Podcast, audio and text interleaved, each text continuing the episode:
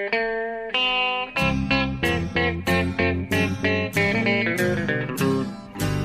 out there, we're on the air. It's hockey night tonight. Tension grows, the whistle blows, and the puck goes down the ice. The goalie jumps and the players bump, and the fans all go insane. Someone roars, Bobby scores at the good old hockey game. Oh, the good old hockey game is the best game you can name. Hallå, hallå, hallå, hallå, hallå, hallå, hallå, hallå, hallå. Yes! Hallå, hallå! Välkomna till eh, säsongspremiär med eh, NHL-podcasten med eh, Jonathan Onskan Ekeliv i Stockholm och mig Per Bjurman i ett hett och fuktigt New York. Nu är det äntligen dags Jonte, på riktigt. Ja, oj, oj, det är september. Alltså, ja, det är september. Tänka sig. Det är ju det är bara några veckor här, så eh, någon enstaka vecka bort så börjar campen och då är det igång på riktigt. Alltså september, visst, man längtar till oktober, det är så ordspråket lyder till och med. Men, Ja. eh, men september är, är gött också, för nu är det hockeymånad. Liksom. Ja, och eh, allra bäst är som sagt att den här podcasten kom igång. Vi gjorde ju ett litet sommaravsnitt när jag var i Stockholm för några veckor sedan. Eh, men det var ju mer en, en liten eh, aptitretare bara. Ja. Nu sätter vi oss till bords och hugger in på det här NHL-säsongen 2018-2019 på riktigt. Det är Ja. dags att åka. Nu kör vi Jonathan! Ja, ja, ja, ja, kom igen nu liksom. Ja. Ja, vi var ju lite ringrostiga kanske i den där eh, aptitretaren, vi ska kalla den, den lilla sommarpodden. Eh, för då var man lite avslagen från NHL och, och bara rent fysiskt av hettan. Det kanske du är fortfarande som det är i New York, men, men eh, man, man, man uppdaterar inte sin Twitter kanske dagligen direkt och kollar vad som händer utan Eh, men nu är, nu, är, nu, är det, nu är flödet igång igen. Nu är man inne i NHL-cirkusen. Idag ska vi ju diskutera plöja igenom Atlantic Division. Så jag har eh, förberett mig ordentligt här. Ja, vi ska, vi ska ju eh, på sedvanligt vis eh, då gå igenom eh, eh lag för lag inför säsongen och vi gör det i blir fyra avsnitt då, division för division och vi börjar på tradi traditionsbundna som vi är så, Ja. så gör vi Atlantic, Met Met Metropolitan, Central och Pacific och i bokstavsordning förstås. Ja. Eh, och, vi, eh, vi brukar ja, klaga ibland på att NHL är lite kon- konservativa och sådär. Men i själva verket är, ju- är vi lite byråkratiska när det kommer till uppdelning av podcastavsnitt och sådär också. Vi Ja, gillar ju ordning och reda. Ja. Ja, ja, vi diskuterade ett tag om vi, om vi skulle göra allt i ett avsnitt, men det blir lite väl mastigt. Ja, Mm. det, det får räcka med det där mar- maratonavsnittet vi kör efter säsongen med, när vi plöjer igenom. Men nu ska, nu ska vi försöka snöa in lite mer på var, varje lag. Vi har ju mer tid nu om man delar upp det. Yes, och eh, ja, då kan man eh, grotta ner sig. Men eh, innan vi, vi sätter igång med det huvudnumret, innan vi verkligen grottar ner oss i det där så eh, det har väl hänt lite, ja, för, för övrigt har det hänt något med dig sen sist. Jag, jag- upplever som att du oftare och oftare eh, sitter i rollen som chef på Sportbladet. Ja, eh, just i detta nu så satte jag lite... sharking, sharking your way up in the world, Ekeliv. Ja, nu hostar jag inte i någon slags sån här chefsmanöver här. Utan någon sån här härskarteknik som börjar hosta i. Nej, utan jag råkar sätta lite källvatten från Norrbotten i, i, i halsen. Jaha, jaha. Usch. Jag fick en sån här på eh, centralstationen på väg in hit. Eh, Du har fått en morot i thirst Ja, precis. Usch. Men nu är jag tillbaka. Nu är jag tillbaka. Eh, ja, jag har suttit lite där. Men det, det beror lite grann också på att eh, eh, det, det är ju ett, ett gäng ordinarie i, i chefsposten som går på, på semester här på sommaren. Så då har jag fått rycka in lite grann. Eh, men eh, ja, jag är lite mer knegare kanske. Så jag, jag vet inte om jag eftersträvar att sitta på någon chefsstol. Nej, nej. Nej. Ja, ja, men du har, eh, du, det är vad du har gjort sen senast. Du har jobbat och, och, och så. Ja, eh, faktiskt. Själv då? Du, jag, jag har ju sett att du har varit eh, i värmen eh, som sagt då i US Open. För det är ju, det är ju till och med så att inte ens Roger Federer klarar av det. Nej, jag, en, någon vecka efter vi spelade in det där avsnittet i Stockholm då, när vi satt öga mot öga, så åkte jag tillbaks hit och har varit här några veckor nu. Och eh, yes, US Open började, ja det är inne på andra veckan nu då, vi är på väg mot kvartsfinaler. Och ja, det var en eh, rejäl skräll. Han åkte ut mot eh, 55-rankade eh, Millman, eller vad han hette igår, australiensaren. Eh, det var en eh, skräll. Då var jag inte där. Jag var lite, jag var lite krasslig över helgen. Men, Jaså? men eh, det är alltid en stor upplevelse att vara ute på US Open. Det, det, eh, det är en väldigt speciell New York... Eh, eh, väldigt New Yorkskt. Ja. Eh, det är, eh, jag har pratat om det flera gånger, det är lyfteplan från LaGuardia och det rasslar förbi tunnelbana och publiken är inte som Wimbledon precis, det är ju röj. Ja, ja visst. Ja. Så det är lite rock'n'roll att vara på, på tennis. Det gillar ju du. Ja, sen är det väldigt kul att se tennis live. Det visste jag inte innan jag flyttade hit till USA, men det, det är det. Men allra bäst, vet du vad det är? Det är att när det, när det är US Open då vet man att hockeysäsongen är i annalkande och det, det är många sådana tecken i tiden hela tiden. Jag råkar ju veta då att spelarna ha- har nu, jag tror mangrant inställt sig i sina klubbar och håller Ja. på och förtränar innan camperna. Och eh, det kanske viktigaste av allt, eh, Hockey News Yearbook kommer ju nu då. Den har kommit alldeles nyligen. Ja, det är ju en av årets höjdpunkter, det är Bibeln. Ja, det, det, sitter, det känns Ja. som en tradition måste jag nästan säga när, när vi sätter igång på säsongen att, att, att du brukar varit på US Open. Du har varit ute och, och haft det gött ute i Flushing Meadows där. Och sen kommer du hem Mm. och bläddrar lite i The Yearbook The Hockey News. Liksom. Det, är ju, ja. det är ju så det funkar. ja, jag har både den och eh, samma Hockey News Fantasy, The Ultimate Fantasy Guide framför mig. Ett Oj, lika oj, oj. tjockt nummer det, om nästan inte ännu tjockare, där de ju går igenom varenda jävla spelare. Ja, du ser. Du ser. Och de är, det, är, ja, det är religiöst att sitta med dem. Meddelas kan då, vi ska Ja. ju inte, eh, vi ska inte avslöja våra tips än på, på ett par veckor här. Det kommer ju, slutgiltigt tips kommer ju när vi har gått igenom alla divisioner, eller hur? Ja, så måste det vara. Men eh, Hockey News, de slår fast att Winnipeg defeats Tampa Bay med 4-3 i finalen. Oj, oj, oj. Ja. Alltså, Ja, det, på ett sätt så, som Tampa-supporter så tycker jag att det är gött att vi ska ta oss till, till en final igen. Men att det ska skita sig igen då. Att det ska vara mot just Winnipeg. För att ni som lyssnar på podden mycket, ni vet att det finns en, en finne här som heter Jarko. Som kommer bli finländare. outhärdlig. Ja, en man säger finländare. inte finne. Nej, precis. Men, Finne är men fult. Finländare ja. hans eh, gud, utan att överdriva, det är Patrik Laine. Så han har blivit Mm. galen Winnipeg-supporter här nu. Och, eh, han hävdar ju att Laine är större redan nu än Selänne i Finland. Det är inte så många som, som eh, skriver under på det. Men ja, han, han kommer bli outhärdlig om det, om det där scenariot skulle bli verklighet. Så är det bara. Ja, tänk, tänk den sommarmorgonen när de har vunnit Game 7 mot Tampa. Då måste du undvika Då Jarko. tar jag tjänsteledigt ett halvår kanske. Då Ja, blir det ingen chefsstol. ja nej. Eh, så, så tror de. Vi ska återkomma och se vad vi tror i, i den frågan. Får jag bara Ja, lägga till då att, att, att herr Bjurman har, har till och med varit så vänlig att han har skickat en, en yearbook till mig på posten. Så den ska landa snart i brevlådan tror jag. Ja, jag, jag postade den igår, då var det Labour Day. Eh, det. och då, då är det ingen post. Så, det, så den har hämtats i brevlådan idag. Det dröjer nog en vecka innan den kommer till Älvsjö. Ja, just det. det är som sagt, den är tjock så det kan eh, putta ut några kuvert och sånt där när den väl landar i brevlådan tror jag. Den, den, kommer, Mm. den kommer ta mycket plats. Det är bra.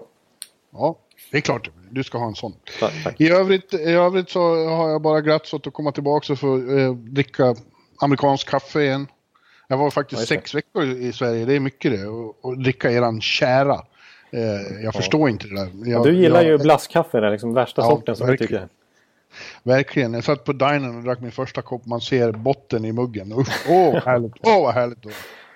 Ja, ja, där är vi ju... Där, jag tror att det kanske... En, alltså vi kommer ha mycket meningsskiljaktigheter vad kommer till lagen här snart. Men det börjar redan där vill jag säga. Ja, Ja. Jag sitter med en kopp eh, nu faktiskt. Ja. Den är snart utdrucken så det kommer bli en sån här klassisk paus när jag går och hämtar kaffe. Det, det får du räkna med. Det får jag räkna. Ja. Men du, rent hockeymässigt då har det ju hunnit hända lite också sen, sen senast. Eh, vi kommer väl att komma in på en hel del när vi pratar om lagen i fråga, men vi, eh, den, den eh, mest spektakulära, eller vad man ska säga, anmärkningsvärda nyheten var ju häromdagen då när det visade sig att Vegasbacken Nate Schmidt stängs av 20 matcher för, ja, för doping. Otillåtet medel som har hittats i, i prover. Ja, Och eh, det sjöng ju till lite. Ja, Nate Smith också som vi har hyllat så mycket här. Jag lyfte väl fram honom som ett exempel så sent som när vi snackades här i Stockholm. Eh, vilken eh, utveckling han hade förra året och gick från sjunde back i, i, i Washington till första back i Vegas. Och nu förstår vi varför. Ja, nu förstår jag. Nej, men grejen är väl att eh, han eh, å sin sida har ju tillbakavisat det här ganska ordentligt och, och, och tagit till advokater och rätts, eller liksom läkare, ska vi säga. Inte rättsverk. Mm. Eh, för att eh, bevisa att, att det är en minimal eh, liksom, mängd han har fått i sig av det otillåtna medlet och att det omöjligt kan vara medvetet och så vidare. Och att han naturligtvis är för en hård liksom, dopningspolicy men att han tycker det här är oproportionerligt att han vägrar stämpla som fuskare i framtiden. Han har inte mm. fuskat.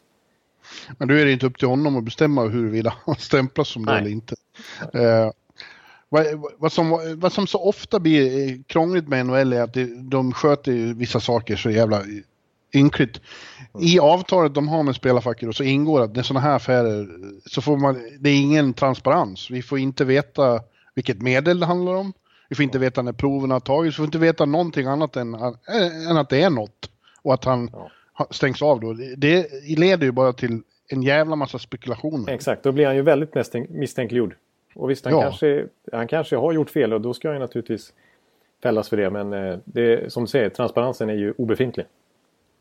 Ja, och, och jag får ju bilden... Eh, det är svårt att inte känna så här. Så, så, så ynkligt som amerikansk proffsidrott eh, agerar i de här frågorna så känns det som det ska väldigt mycket till för att åka dit i ett dopingtest och bli avstängd. I synnerhet hockey. Ja, de, de pumpar, det är så mycket som är tillåtet eh, här då, som inte är tillåtet till exempel i OS. Det har vi bevis på. Eh, Beckis medicin här, det, det, är inga som helst problem i NHL. Han kan pumpa i sig mycket han vill. Exakt, alla det är absolut inga konstigheter. Nej. Och alla kan det. Och det, man, det, det förekommer ju under, under en säsong när man spelar 80, man vill ju bara inte tänka på hur mycket som... Och vi får ju aldrig veta heller, men man har en bestämd känsla av att det pumpas i dem jävligt mycket för att de ska orka med en hel säsong. Av olika sorter. Ja, verkligen. Och eh, apropå Beckys exemplet vill jag bara säga att det här Syrtec D som han tog då, det kunde jag köpa i hotellobby när vi var i Raleigh. På roadtrip. Ja. Så enkelt är det att få tag i det. Det är liksom inget märkvärdigt överhuvudtaget. Eh, Nej. Så precis som du säger, man kan dra slutsatser av vad, vad, vad, vad det är de här NHL-spelarna stoppar i sig. Vad de har möjlighet att göra liksom. Och vad, vad som krävs för att verkligen åka fast. Vad det är för typ av medel som, är, som det handlar, handlar om då. Ja som norske, som norske läkaren tydligen sa när de kom till Sochi då 2014. Eh, han sa till Zuccarello, släng all, släng all amerikansk skit. För det vet man ingenting om vad som är tillåtet och inte tillåtet. Nej, exakt. Det säger en hel del. Ja. Eh, men hur som helst, det är ju ett hårt slag för Vegas. 20 matcher utan sin bästa back, de 20 första matcherna. Det är ju högst kännbart. Ja, det är ju... Alltså han är ju som sagt första back och eh, superbra förra säsongen och känns fortfarande på uppgång också. För hans personliga del som ska väl försöka spela till sig ett ännu bättre kontrakt här nu. Ja. Är det här ett, ett hårt slag eh, på det viset också? Men samtidigt, jag måste bara lägga till det när vi pratar NHL och, och allt det här transparensen. Men också när man väl då fäller någon för dopning. Då får man 20 matcher. Mm. Det, det, är ju ingen... Ja, vi, vi vet som sagt inte riktigt vad det handlar om här. Men det låter ju liksom, det är inget hårt straff eh, om, sett i proportion till andra sporter om man, om man åker fast för dopning. Det, det räcker med för till exempel om vi tar Meraf Bata i Sverige, friidrottare som missar tre dopningskon... eller vistelserapportering missar och, och, och då kan, kan hon bli avstängd i två år. Medan mm. här har man faktiskt hittat ämnen i kroppen och, stänger av 20, 20 matcher. Ja. ja, men det är också återigen, eftersom vi inte får veta vad det handlar om så, så ja, vi har ingen aning. Nej, det leder till sådana spekulationer. Är det ett hårt straff eller är det ett lite, är ja. eller är det ett ynkligt straff? Vi vet ju inte. Då ser de till, de bäddar sin säng på det viset. Nej, tråkigt. Men kanske innebär det att Vegas uh, nu får accelerera uh, eller höja ambitionen vad gäller att skaffa en annan... Uh, oh, du tänker så ja. Förstklassig back. Du får en liten svensk koppling till det här ja. Som åker omkring uppe i Ottawa och tränar med sina kompisar där. Mm. Wow. Eller hur? Skulle inte det ja. vara en, eh, skulle inte det vara ett ins, vad heter det? Ins, incitament. Ins, ja, incitament. Ja. För att jobba hårdare för att få Erik nu då. Ja. För att det, 20 matcher, det, det kan säsongen vara förstörd på. Det vi, vet vi ju. Vi, vi, brukar prata så här om att vi ska inte övervärdera insatser i oktober. Eh, men alltså att hamna efter i oktober. Ja. Det är nästan aldrig bra. Nej, det är eh, Otroligt verkligen. viktigt att, att, hänga med från start. Man måste inte toppa ligan så här som St. Louis till exempel gjorde förra året. Eh, men, eh, men det gäller att hänga med. Man får inte hamna efter som ett eh, Florida gjorde. Eller som ett... Helt sant. Det, mm. det betyder inte så mycket att, att, att, vara bäst i oktober, men det betyder väldigt mycket att vara sämst. Precis, för då... Den, det blir ofta en snöbollseffekt som accelererar. Det är svårt att stoppa blödningen om, om det skiter sig från start.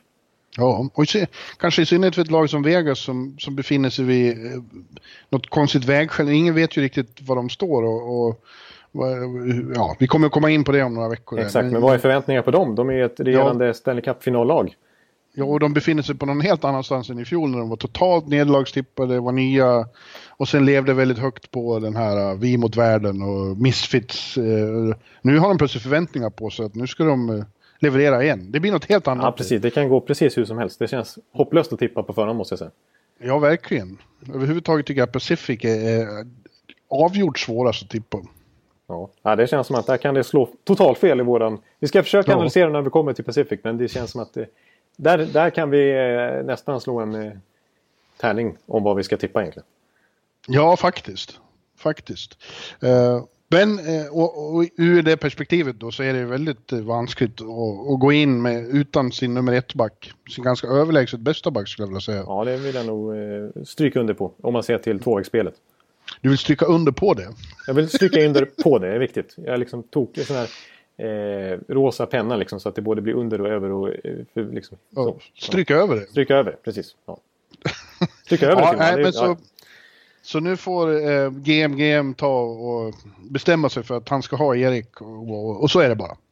Ja, ja men tack. Ja. Jag, jag, har ju slagit fast i någon podd där också att jag tycker Vegas, alltså innan allt det här och i, ja, under hela under hela den här Erik Karlsson-soppan egentligen sen, sen trade deadline så har ju Vegas känts som ett av de absolut troligaste, kanske det troligaste alternativet med tanke på löneutrymmet där.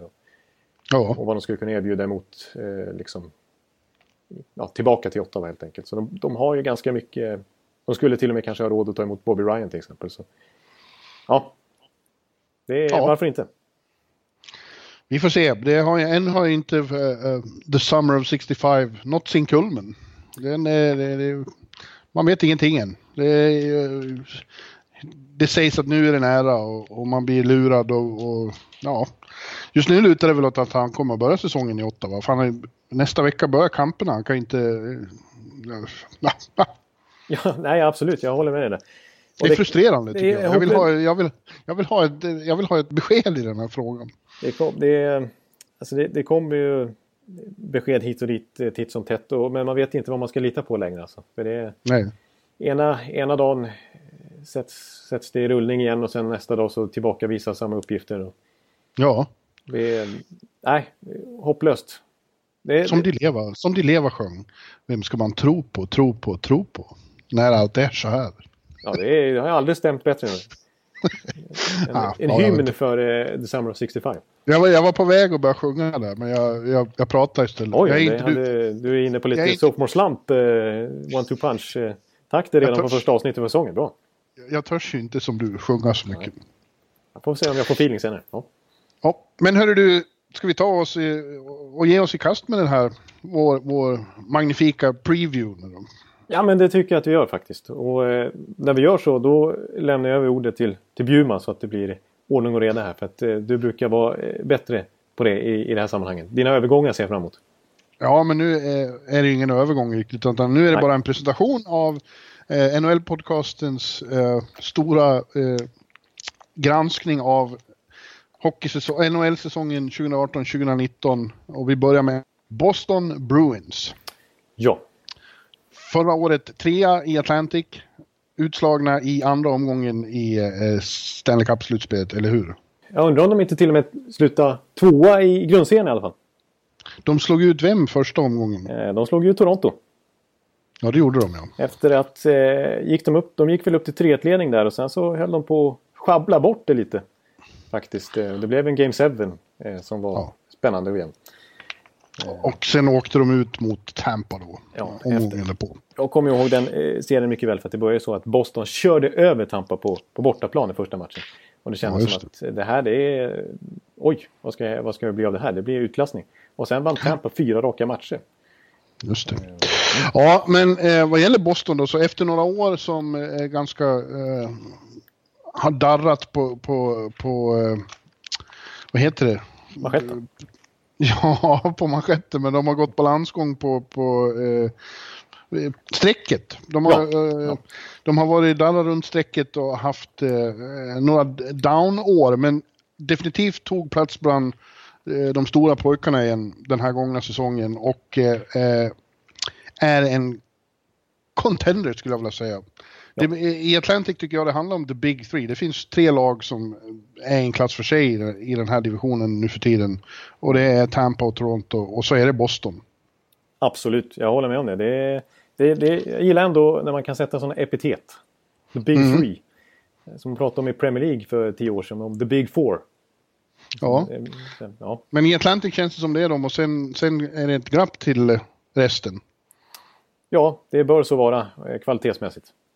Ja, eh, och Boston har ju inte gjort jättemycket under, under off-season här. De har tappat två Nashar. Eh, Rick ja. Nash eh, lägger ju av, som det verkar. Förmodligen, ja. Och Riley Nash har gått till eh, Columbus. Ja. Och eh, så har de bytt andra Morris. Jaroslav Halak kommer in istället för Kudubin. Och det är, är ju en förstärkning, skulle jag vilja påstå. Ja, kanske så... på, på, pappret är det väl det med tanke på Halaks meriter och att han är ju en i grunden eh, första målvakt men som ju haft lite ja. tuffare på slutet. Och Khudobin gjorde det bra förra säsongen, men vi får se. Mm. Ja, och så Jocke Nordström kom in då som rollspelare med all säkerhet i fjärde kedjan och så. I övrigt är det ganska mycket samma lag.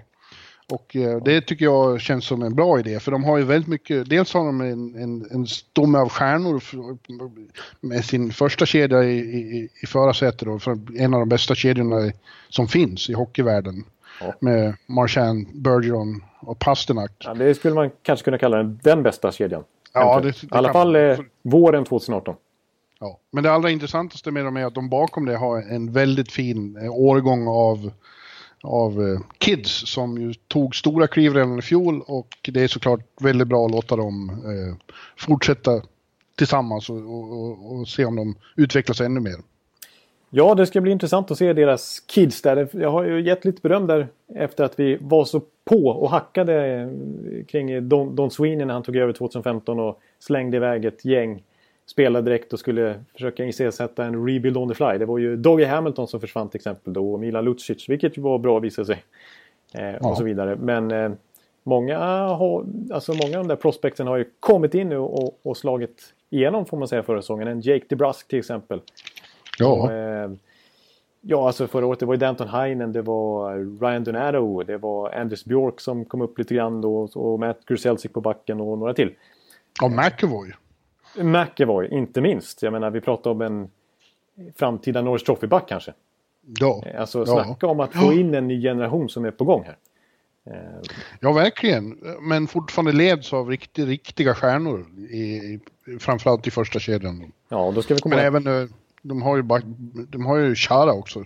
Ja. Eh, på backsidan. Som vi trodde efter World Cup 2016 att nu, nu har utförsbacken börjat bli brant. Men ja. det, han, det hindrade ju han och gjorde han är ju väldigt bra igen. Ja, det är konstigt. Det känns eh, stabilt kring hans, alltså hans eh, kvalitet just nu. Alltså som du mm. säger, det, det var, det, man trodde att det var över för han där när han harvade runt i, i, Team Europe där som visserligen var framgångsrikt men, men han själv gjorde det inte så bra. Eh, men så förra säsongen gjorde han en väldigt stark säsong och nu gör han ingen 50 poängsback längre för det behöver han inte vara heller. För de har ju Torrey Krug och, och Charlie McAvoy som gör poängen men men han är väldigt stabil och liksom lagpappa. Och innebär en väldig trygghet defensivt när han är inne på isen. Ja. Och omklädningsrummet säkert också. Eh, ja, verkligen. Så eh, ja, det känns... Eh, det är ju ett habilt, starkt lag med otroliga spetsspelare, veteraner.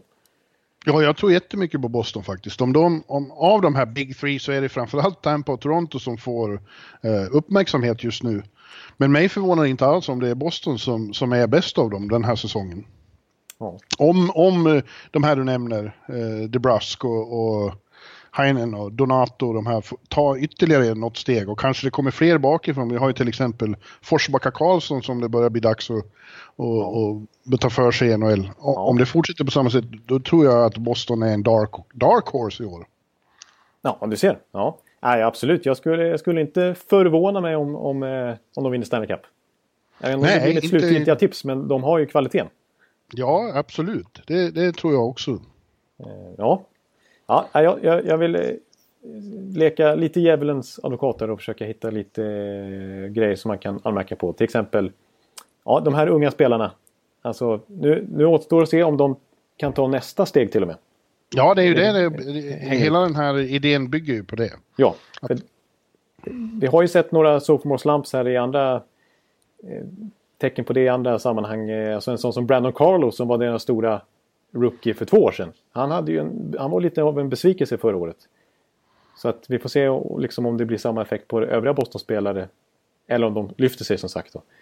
Eh, och sen, sen är det ju med toppspelarna, en sån som Bergeron, han har ju genomgått operation här på ljumsken i sommar och missar stora delar av campen. Liksom, och, och både han och Martian missar ju faktiskt trots allt en, över 20 matcher, no, kring 20 matcher förra säsongen. Eh, Shara är ändå 41 år och ja, Krejci har ju en, en stor eh, skadehistorik bakom sig. Eh, men, mm, ja. Eh, så det finns ju lite orosmål där, men samtidigt det som var så coolt förra året var ju att trots de här skadorna så så gjorde de så otroligt bra hela tiden. Alltså Bruce Cassidy som coach måste vara fantastisk. Alltså, för att de använde sig av 35 spelare totalt förra året. Eh, det var inget annat lag som använde sig av så många rookies som Boston. Eh, Nej, jag tycker, och, mitt intryck är att Bruce Cassidy är en av ligans absolut bästa coacher. Eh, ja.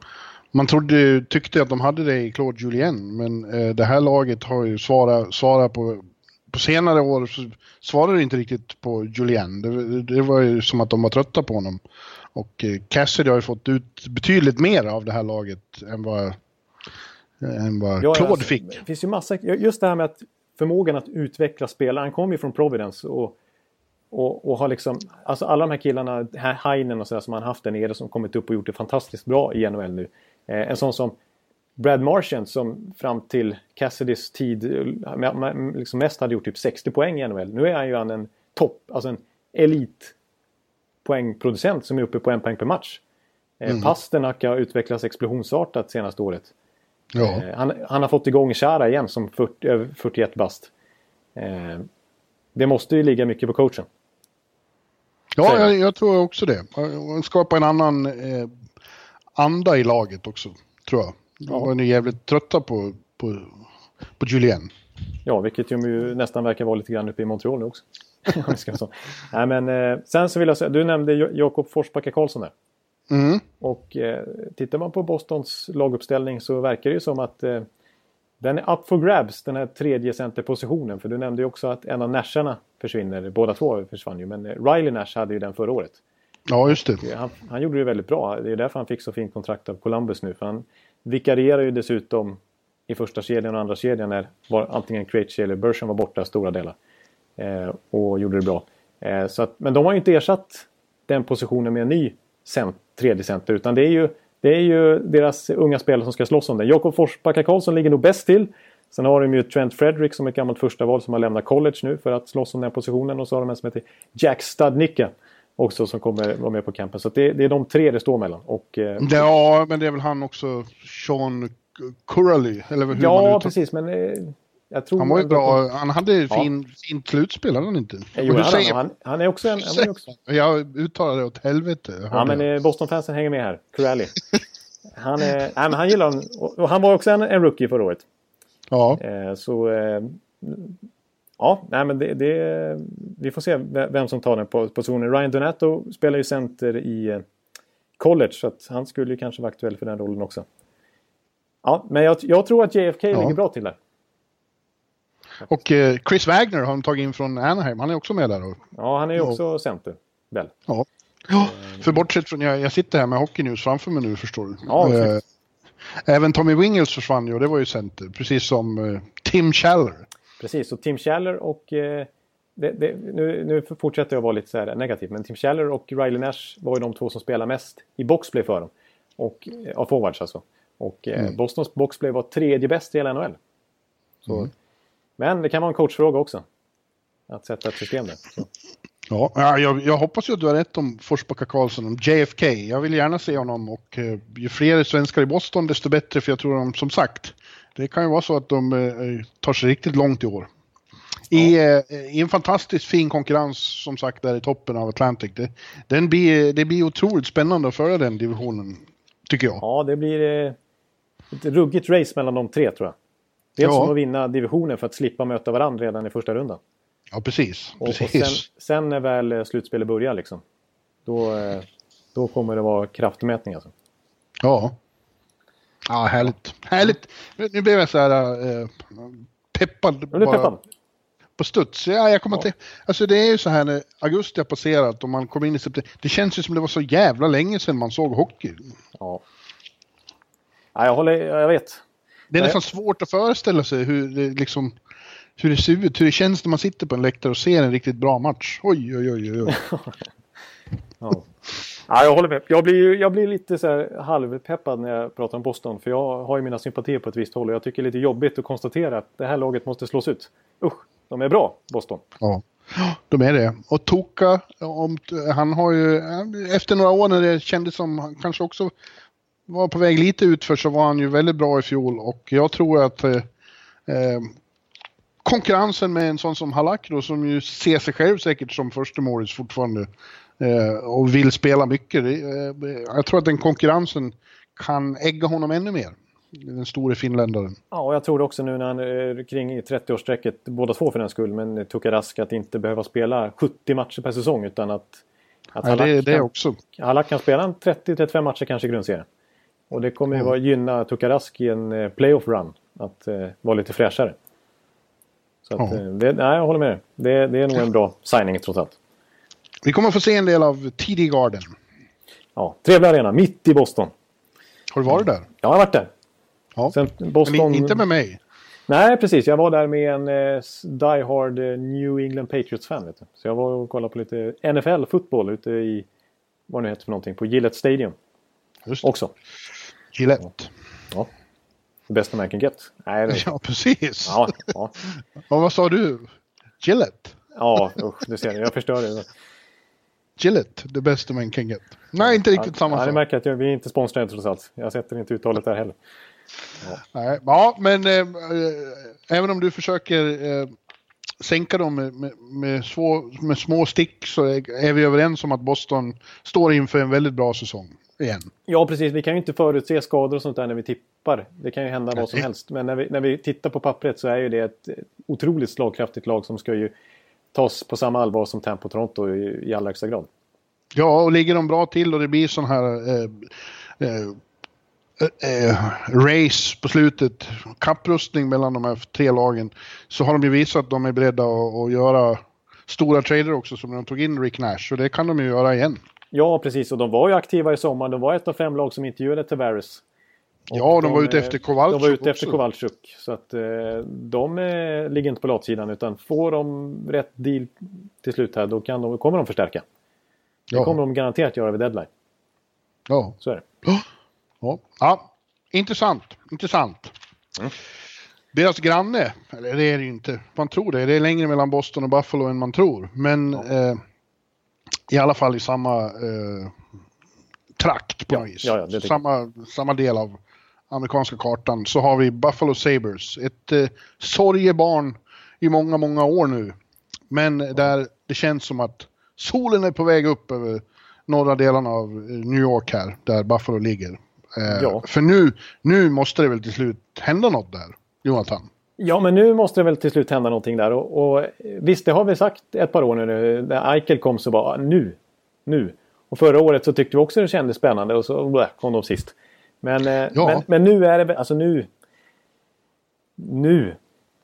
nu har de ju eh, till och med fått in en klassback där också. Eh, och gjort några riktigt bra värvningar här i sommar. Nu satsar de ju.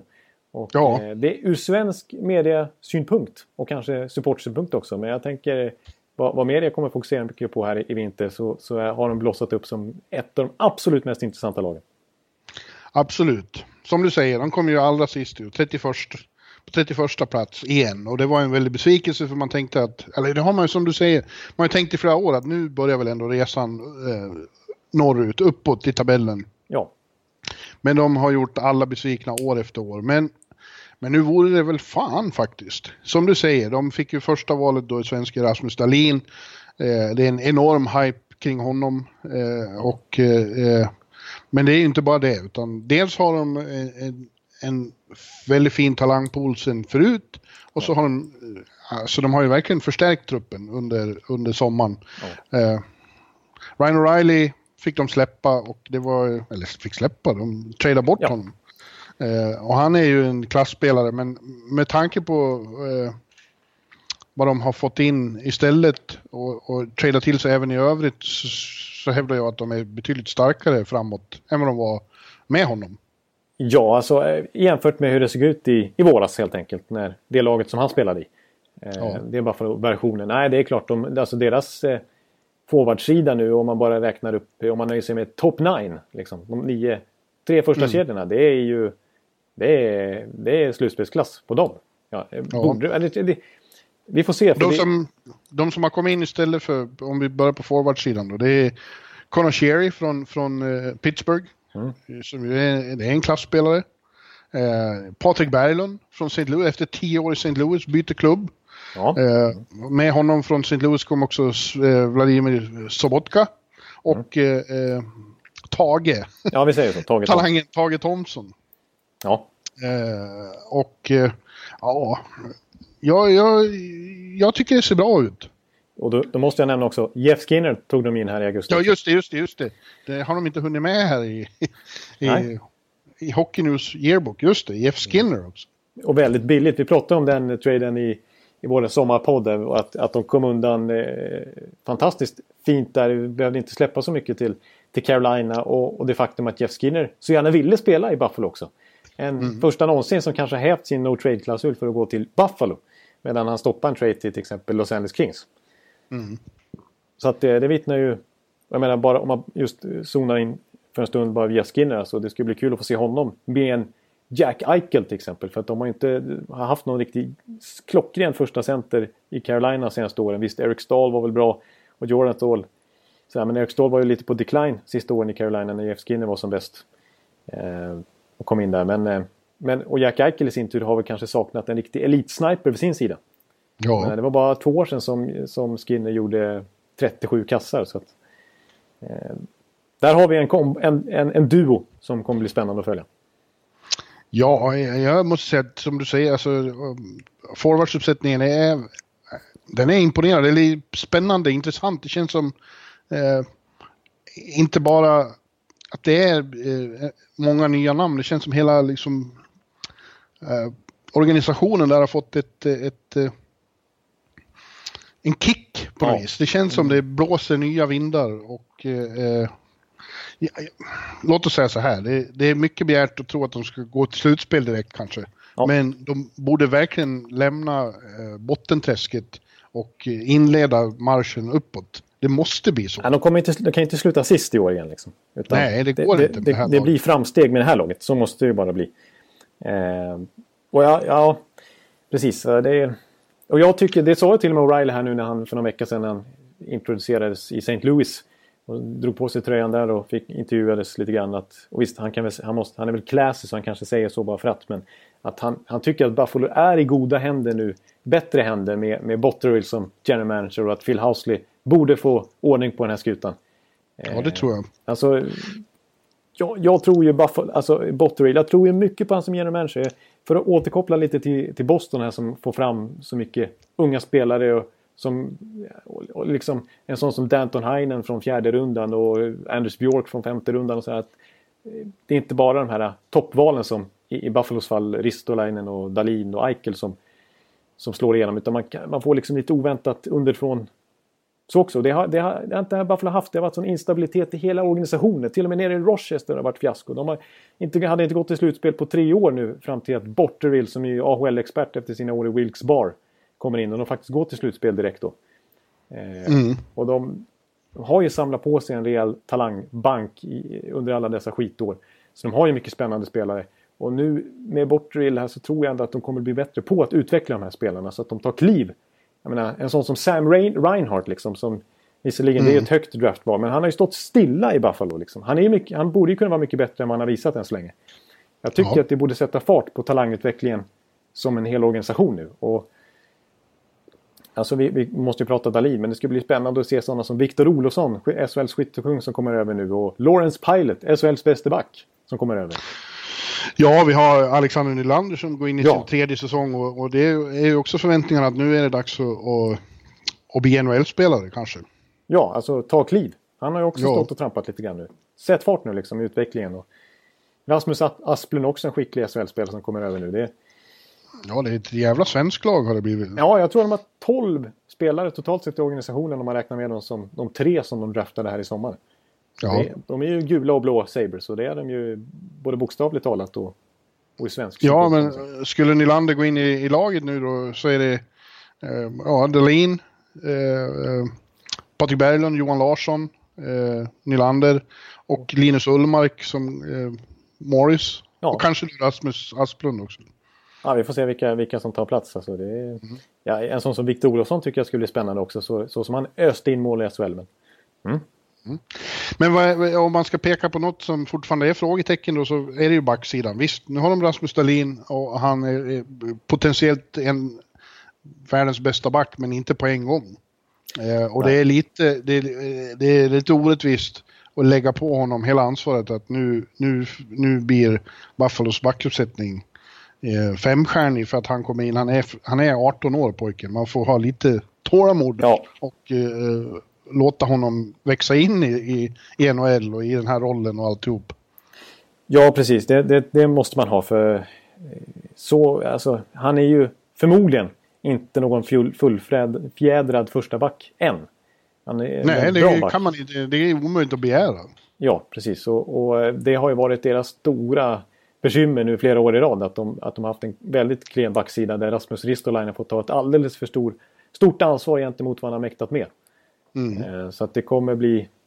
Ja, det, det är fortfarande eh, frågetecken där och, och, det blir intressant att se. Det, jag, jag, tyckte ändå att Ristolainen och Scandella, det paret såg rätt bra ut förra året och kan, kan kanske bli ännu bättre nu och så får vi se om Dalin då kanske spelar med Zach Bogosian som är en gammal supertalang själv. Eh, mm. Hur dynamiken blir där och hur, hur utvecklingsmöjligheterna ser ut för Dalin. Men ja, alltså de har ju en gammal storback som tränare i Housley. Jag skulle just säga det att det är förmodligen en väldig fördel för honom att ha Housley som, som coach som gjorde under med backarna i Nashville när han var, han var ansvarig för backarna där. Ja, för man kan säga att de, de backarna var ju väldigt bra sådär, men jag menar, han utvecklade ju en Ryan Ellis, han utvecklade Mattias Ekholm. Ja. Och Josie inte minst och så Piki Subban på slutet också. Eh, han, han var ju väldigt ja, huldad jag, omtyckta. Jag har väldigt stort förtroende för. Det gick åt skogen förra året men jag har fortfarande stort förtroende för att Housley kan göra bra saker med det här laget. Ja, det säger jag också. Och jag tycker på sikt här kanske i alla fall att, att Lawrence Pilot kan bli spännande också. Det är en bra back. Bra skridsko, modern back. Mm. Uh, mm. Det är spännande en annan, ett, ett, annat litet frågetecken, eller ganska stort frågetecken, är ju också då på målvaktssidan. Där eh, man eh, som det ser ut nu så satsar man på Journey-mannen Carter Hutton och Linus Ullmark. Eh, ja. Det är ju inte eh, Stanley Cup-kaliber. Än nej. så länge. Eh, nej, nej, det är det inte. Det Linus, Linus kan säkert bli jättebra, men eh, han kan inte han kan inte få det ansvaret direkt eller, eller begäras bära det här laget. Nej, det ska bli, det blir intressant att se hur, vilken klass den där målvaktssidan håller. Eh, alltså för att Hatton, det, det var ju ett... Visst, han var Det var ju många lag som ryckte han nu i sommar i och med att han gjort det så bra i St. Louis där. Men det, han är trots allt career backup och är, fyller 33 den här säsongen. Och nu ska han för första gången vara första keeper. Förväntas vara i alla fall. Så att, uh, Ullmark håller jag ganska högt ändå så att jag, jag, jag skulle inte bli förvånad. Ja, om, om, Nej, det gör jag också. Om, om Ullmark eh, kanske står en 35 matcher den här säsongen. Alltså att Carter Hutton inte blir så självklar första keeper. Utan att Ullmark nej, kommer konkurrera där. Som, nej, ja, nej, nej. Vilka lag har, har Carter Hutton varit i? Det är rätt många känns det som. Jag vet inte om det är så många ändå. Jag tycker han kom in i NHL ganska sent. Han har ju varit i Nashville och han har varit i St. Louis, vet jag ju.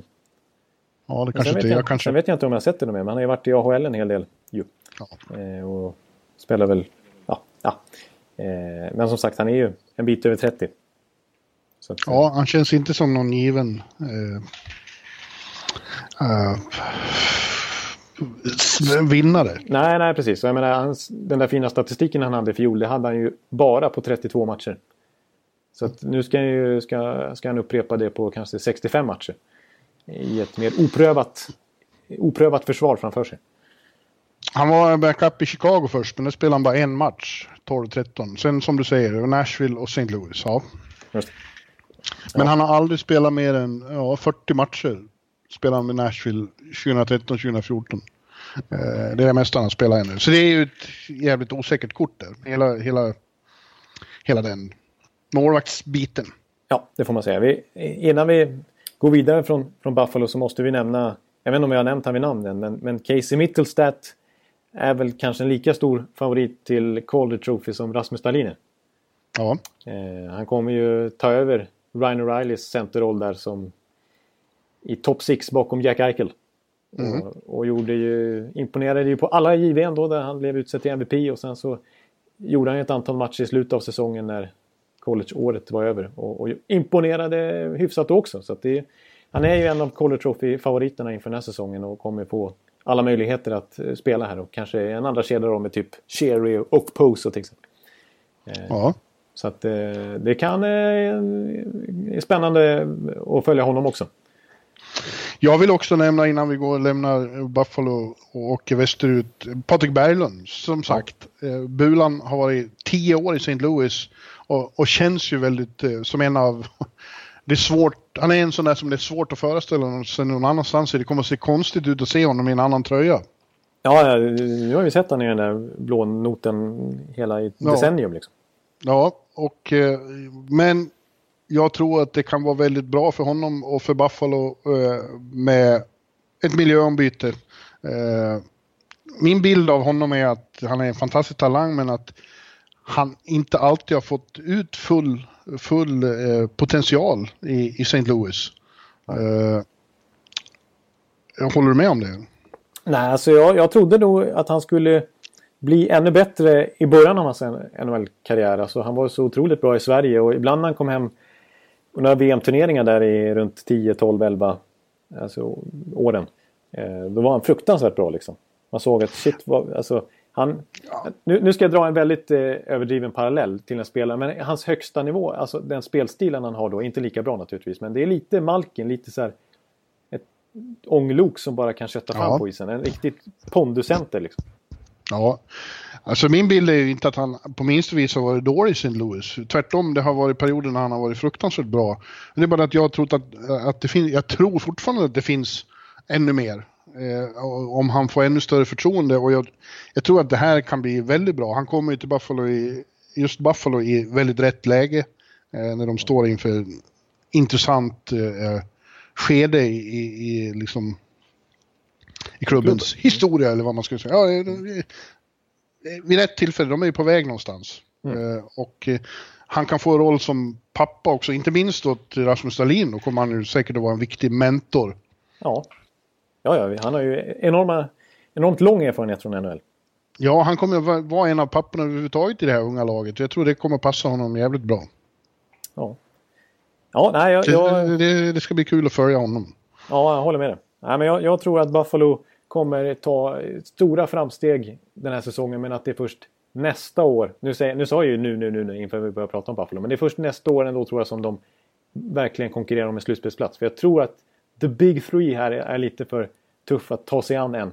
Och ja, de kommer tror... inte att hävda sig bland dem, men, men de kommer vara med om att utmana om en, eh, om en, eh, vad heter det? Wildcard? Eh, ja, jag tror inte de kommer att ta det, men jag tror att de kommer att vara med och, och nosa där redan nu. Ja, jag, jag håller ett annat Atlantic-lag framför dem fortfarande. Men, ja, eh, ja det... Eh, men eh, nej, det, det, de, kommer vara, de kommer vara roliga att titta på nästa Det tror jag.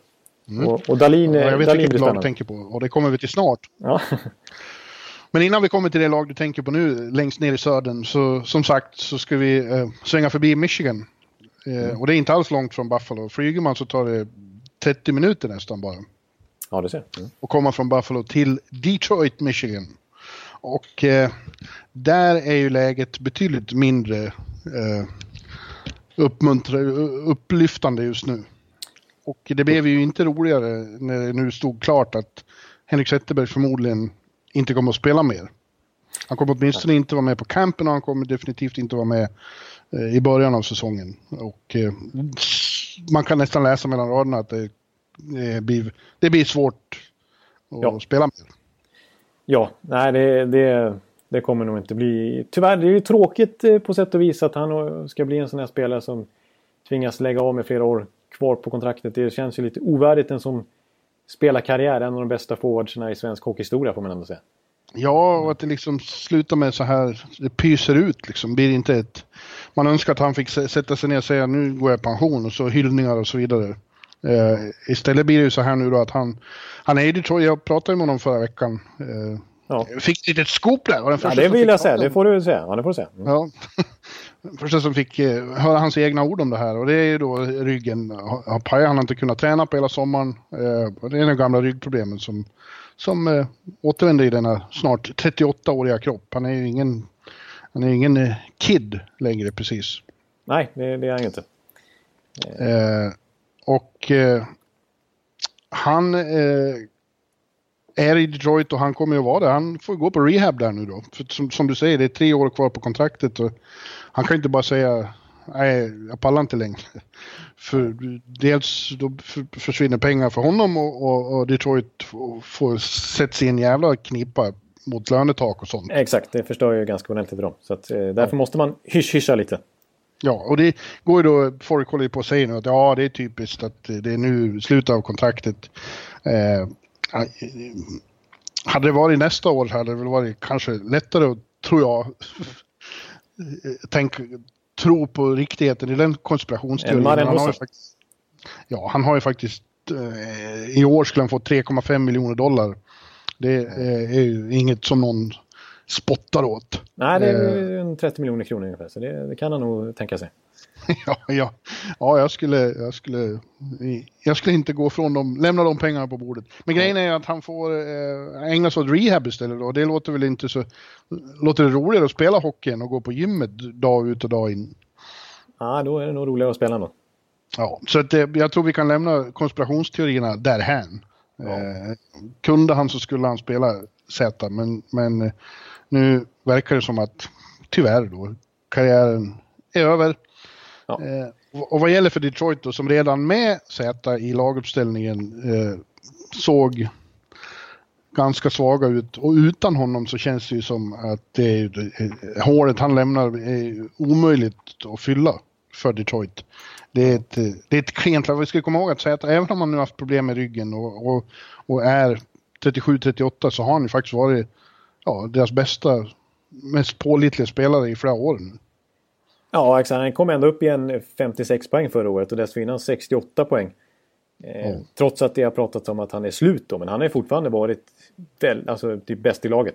Visst, Dylan ja. Larkin gjorde några enstaka fler poäng den här gångna säsongen, men Zetterberg har varit ja. extremt bra trots allt ändå vill jag säga. Ja, det finns ju några talanger där, men de har ju mest utmärkt sig genom att, att göra sin kapten Zetterberg frustrerad de senaste åren.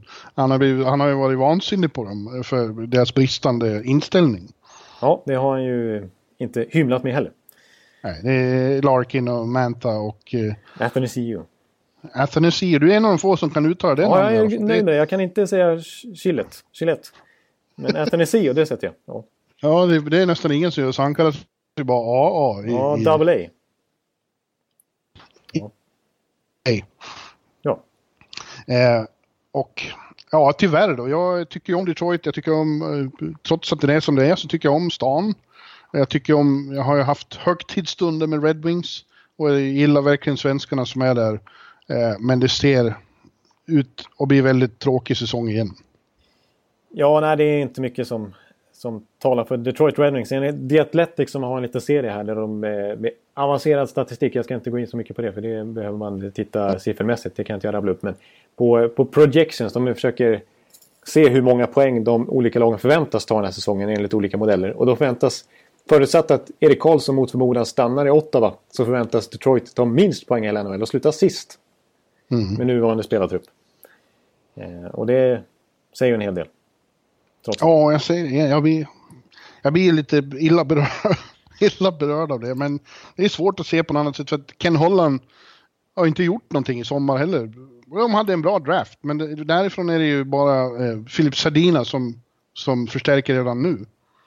Ja, nej det, det kanske är bra. Egentligen är det väl bra för Detroit att vara lite dåliga nu. För det är det de behöver. För att de har inte tillräckligt stark talangpool där bakom som kommer lyfta dem inom kort. Utan de, de behöver ner i skiten lite grann. Och samtidigt är det ju något som Detroit och ägarna och, och självbilden där inte vill ha att göra med. För att de ser... De är ju stolta Detroit liksom. Och de har just byggt en ny arena där de inte vill ha ett förlorarlag. Egentligen. Nej, det är klart. De har ju ligans finaste arena och där spelas det bland den sämsta hockeyn. Tyvärr. Ja. Och vi har ju varit där. Du har ju ja. sett den. Den är ju magisk arenan. Vi såg ju en... Eh, ja, själva arenan var ju fantastisk, eh, fantastiskt bra. Men vi såg ju vi spela, bli nollade mot Washington i en ganska tråkig match till exempel. Ja. Så, men de eh, slog Philadelphia. Ja, det var ju första segern på nio matcher då tror jag. Så det var ju stort. Ja. Men, ja, det som har hänt är att han har tagit in Thomas Vanek igen och sin förkärlek för, för oldtimers. Den är, den är konstant. Den är det. Jag, jag ja. tror det har lite att göra med att han tar in lite veteran. Nu har han, i alla fall, han skrev i alla fall inget så här femårskontrakt som han gjorde med Frans Nielsen till exempel. För något år sedan, eller Trevor Daley förra året. Han eh, nöjde sig med ett ettårskontrakt. Men med full no trade clause. Så han blir inte helt lätt att skeppa vid deadline då. Nej. Men... Eh, han är ganska trött förmodligen på att bli skeppad vid deadline. Ja, det är han nog. Eh, den gode Vanek som han har fått ta sig runt i NHL. Men... Eh, ja, det, han, han, han tar ju in sig Bernier på ett treårskontrakt också. Och han tar in, eh, han förlänger med ja. Mike Green. Så att, ja. Han, ja. jag tycker uh, Ken Hollands, uh, vad heter det, aura har ju, eller vad heter det? Hans, Sån här man har runt hur... Ja, hans... Jag vet vad du menar. Som hamnar på, som hamnar Den på, hamnar på sniskan. Med Glorian. Glorian, ja. ja. Han, var ju, han var ju hyllad som uh, Mr Fantastic under alla år när de kunde köpa vilka spelare de ville eller skriva kontrakt med vilka de ville och det var ju inte så svårt. Eh, men senare delen av, av Cap-eran så har han ju inte briljerat alls. Nej, verkligen inte. Han har några riktigt eh, horribla kontrakt på sitt samvete får vi ändå säga. Jag tycker han har lärt sig mm. lite nu. Nu nämnde jag några halvdåliga exempel här nu men han har åtminstone nöjt sig med relativt korta kontrakt på, på veteraner och han, han gjorde en fantastisk trade med med Vegas när han eh, lät Tatar gå men han fick en hel mängd draftval tillbaka och de hade faktiskt sju draftval i de tre första rundorna. Nu i jo men det var, det var väl allmänt eh, allmän uppfattning att, att de hade en bra draft. Ja, de hade en jättebra draft. Att de fick Sadina med sjätte valet och att de fick eh, Velino så sent i första rundan och överhuvudtaget där. Eh, bra draft så att, eh, och många draftval. Så att, eh, där, där gjorde han faktiskt bra Holland och det är ju till följd av några bra beslut han har tagit. Men ja, men det, de har fortfarande en lång bit kvar innan det här vänder. Ja, det dröjer ju många år innan de, de kommer att göra något avtryck. Eh, man kan, man kan säga jag att, tror att... Ja. ja, man kan säga att, att det, nu när Zetterberg försvinner så är det en liten markering så här för den nya generationen som ska ta över. Med att Larkin ju nyligen förlängde här och skrev på ett femårskontrakt för 6,1 miljoner. 17 000 dollar mer i capita än vad mm. Henrik Zetterberg har. Så nu är han ju liksom första center i lönekuvertet och på pappret och på isen liksom. Eh, så nu är det ju han och Mantha här och Athanasius som ska ta över. Eh, mm. Men, eh, men de, jag, jag, vill säga så här, om man jämför med alltså Larkin, alltså hur bra är han egentligen om man jämför med andra första, unga första centrar i den divisionen? Om du jämför med Barkov i Florida, om du jämför med Matthews i Toronto eller Eichel i Buffalo. Det är inte riktigt på den nivån trots allt.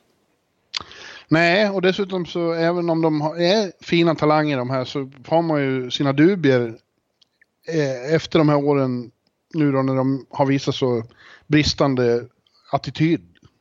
Ja, jo precis. En sån som Manta till exempel, eller Double A, har ju fått sina kängor. Och Larkin för den delen mm. skulle också. Eh, så ja, nej, det, det känns inte riktigt som att det är harmoni där. Nej, och på backsidan så har de inte har de ingen av de där talangerna. Utan där Nej. får vi lita på samma, samma äh, galleri igen. Ja, nej, det finns inte den här självklara som ska ta över. Utan, eh, Nej. Det, det är Nej. därför en sån som Daly kommer in förra året. Ja. Oh. Oh. Och sen tror jag eh, Jeff Blashill, tränaren. Ja. Han är en av dem som eh, kan få sparken först. Vi var ju ingen som fick sparken den gångna säsongen. Nej. Vilket ju var nästan unikt. Det händer ju nästan aldrig men eh, några sitter, kommer att sitta betydligt lösare i år och eh, Blashill är definitivt en. Jag tycker inte han verkar vara mycket till coach faktiskt. Nej, nej, och eh, han har fått en ny röst vid sin sida nu i alla fall. För de är lite oväntat snappar ju upp Dan Bilesman. Hon ska vara ja. associate coach eftersom att de blev så goda vänner under hockey-VM här när de var med USA. Ja, men det känns ju också som ett, en, att givet att han tar över om det går dåligt i början. Ja, precis. Och, och Dan Bildsma kommer inte från... Han är visserligen Stanley Cup-mästare med Pittsburgh men kommer från en hemsk eh, session i, i Buffalo Sabres där han ju var eh, till slut nästan borttvingad av spelarna för de gillar inte honom. Nej. Nej. Det, men det var i Detroit han vann också. Ska vi komma ihåg. 2009. Eh, det är länge sedan nu. Ja, just det. Det var där han eh, fick lyfta bucklan. Med, med Pittsburgh. Tio år sedan snart. Just det. Eller det kommer att vara tio år sedan i vår. Ja, just det. Ja, det är sant. Just det. Ja. Du, nu ska jag gå och hämta kaffe. Du kan säga något mer. Du kan väl prata lite om arenan, hur fint det var när du satt där. Ja, jag kan säga lite mer om, om eh, Detroit. Ja, men det är en jättefin arena. Little Caesars Arena. Det, det konstiga med den, det är ju att, den, att det ser ut som lägenheter utanför. Det är inget speciellt alls. Eh, när man strosar i downtown där och ser så att, att det där skulle vara någon slags USAs typ mäktigaste arena. Eh, men när man väl kommer in där så eh, områden, alltså korridorerna och sånt där är ju ascoola och sen själva arenan är ju supermäktig. Påminner lite om Globen hur, hur röd, hur röd, all, hur rött allting är. Ja, och taket. Och det, det passar väl bra när man är hemadress för Red Wings. Ja, precis. Och jumbotronen som ju är så eh, enorm också. Ja, det är en fin arena. Fantastisk pressläktare där vi sitter. Man ja, sitter och tittar rakt ner på isen. Ja. Jag har inte samma erfarenhet som du, men när du säger det förstår jag det. För jag, jag upplevde det som att det här var något extra. Ja. Så, mm. Men tyvärr, det kommer inte att bli någon slutspelshockey där i år heller. Det, kan vi, det är helt övertygad om. Jag tror att det är bara ett lag som har möjlighet att komma bakom dem i divisionen och det återkommer vi till. Ja, just det. det som är positivt är att de kanske kan vinna kampen och vinna för, för, för att drafta Jack Juice. Ja. Som ju spelar där i, i National Development-programmet som ju ligger i, strax utanför Detroit. Han kanske mm. får spela in i, i, downtown då nästa år istället. Vi får se. Det, det är vad de hoppas på tror jag. ja, jag tror de hoppas på att göra en bra säsong. Ja. Men, men fansen. De, de, ja, ja, realistiska fans, fansen. Ja. Ja. men du.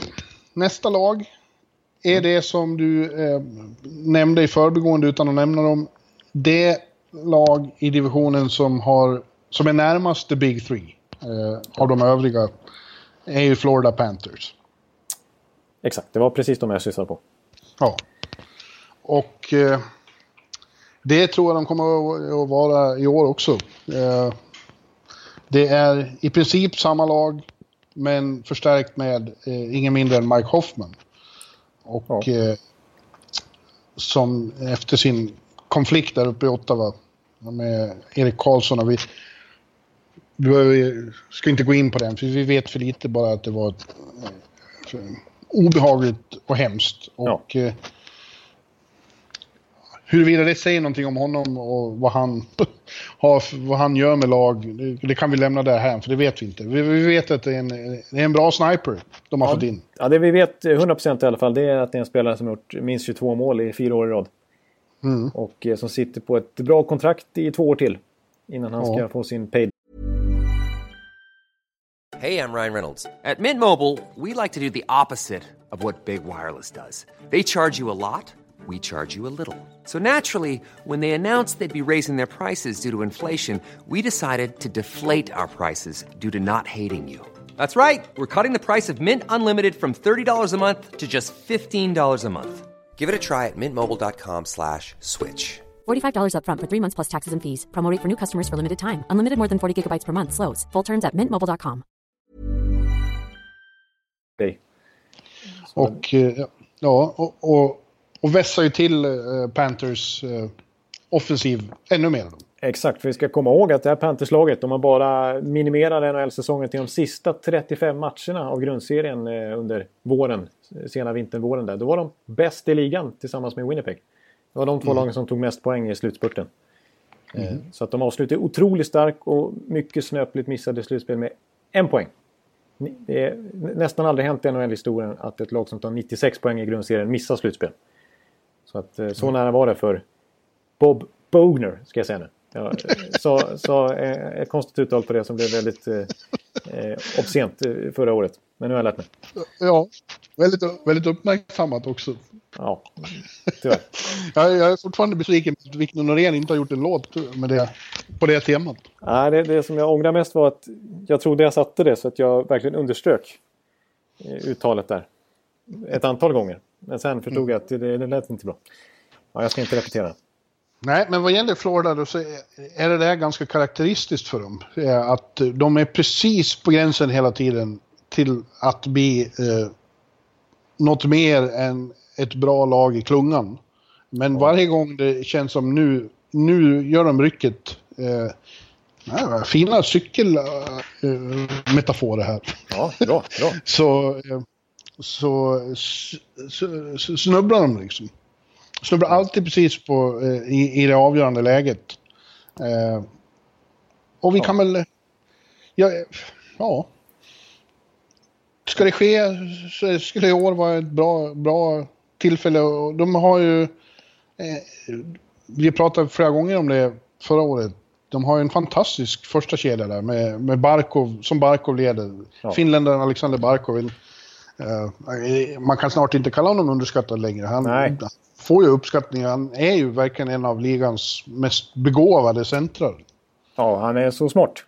Ja. Han är så otroligt eh, skicklig med klubban både offensivt och defensivt. Man kan vara otroligt skicklig defensivt med klubban på något vis också. Så som han läser passningar och sånt där och startar omställningar. Eh, han, är, eh, han är smart som hockeyspelare. Ja, extremt. Ja.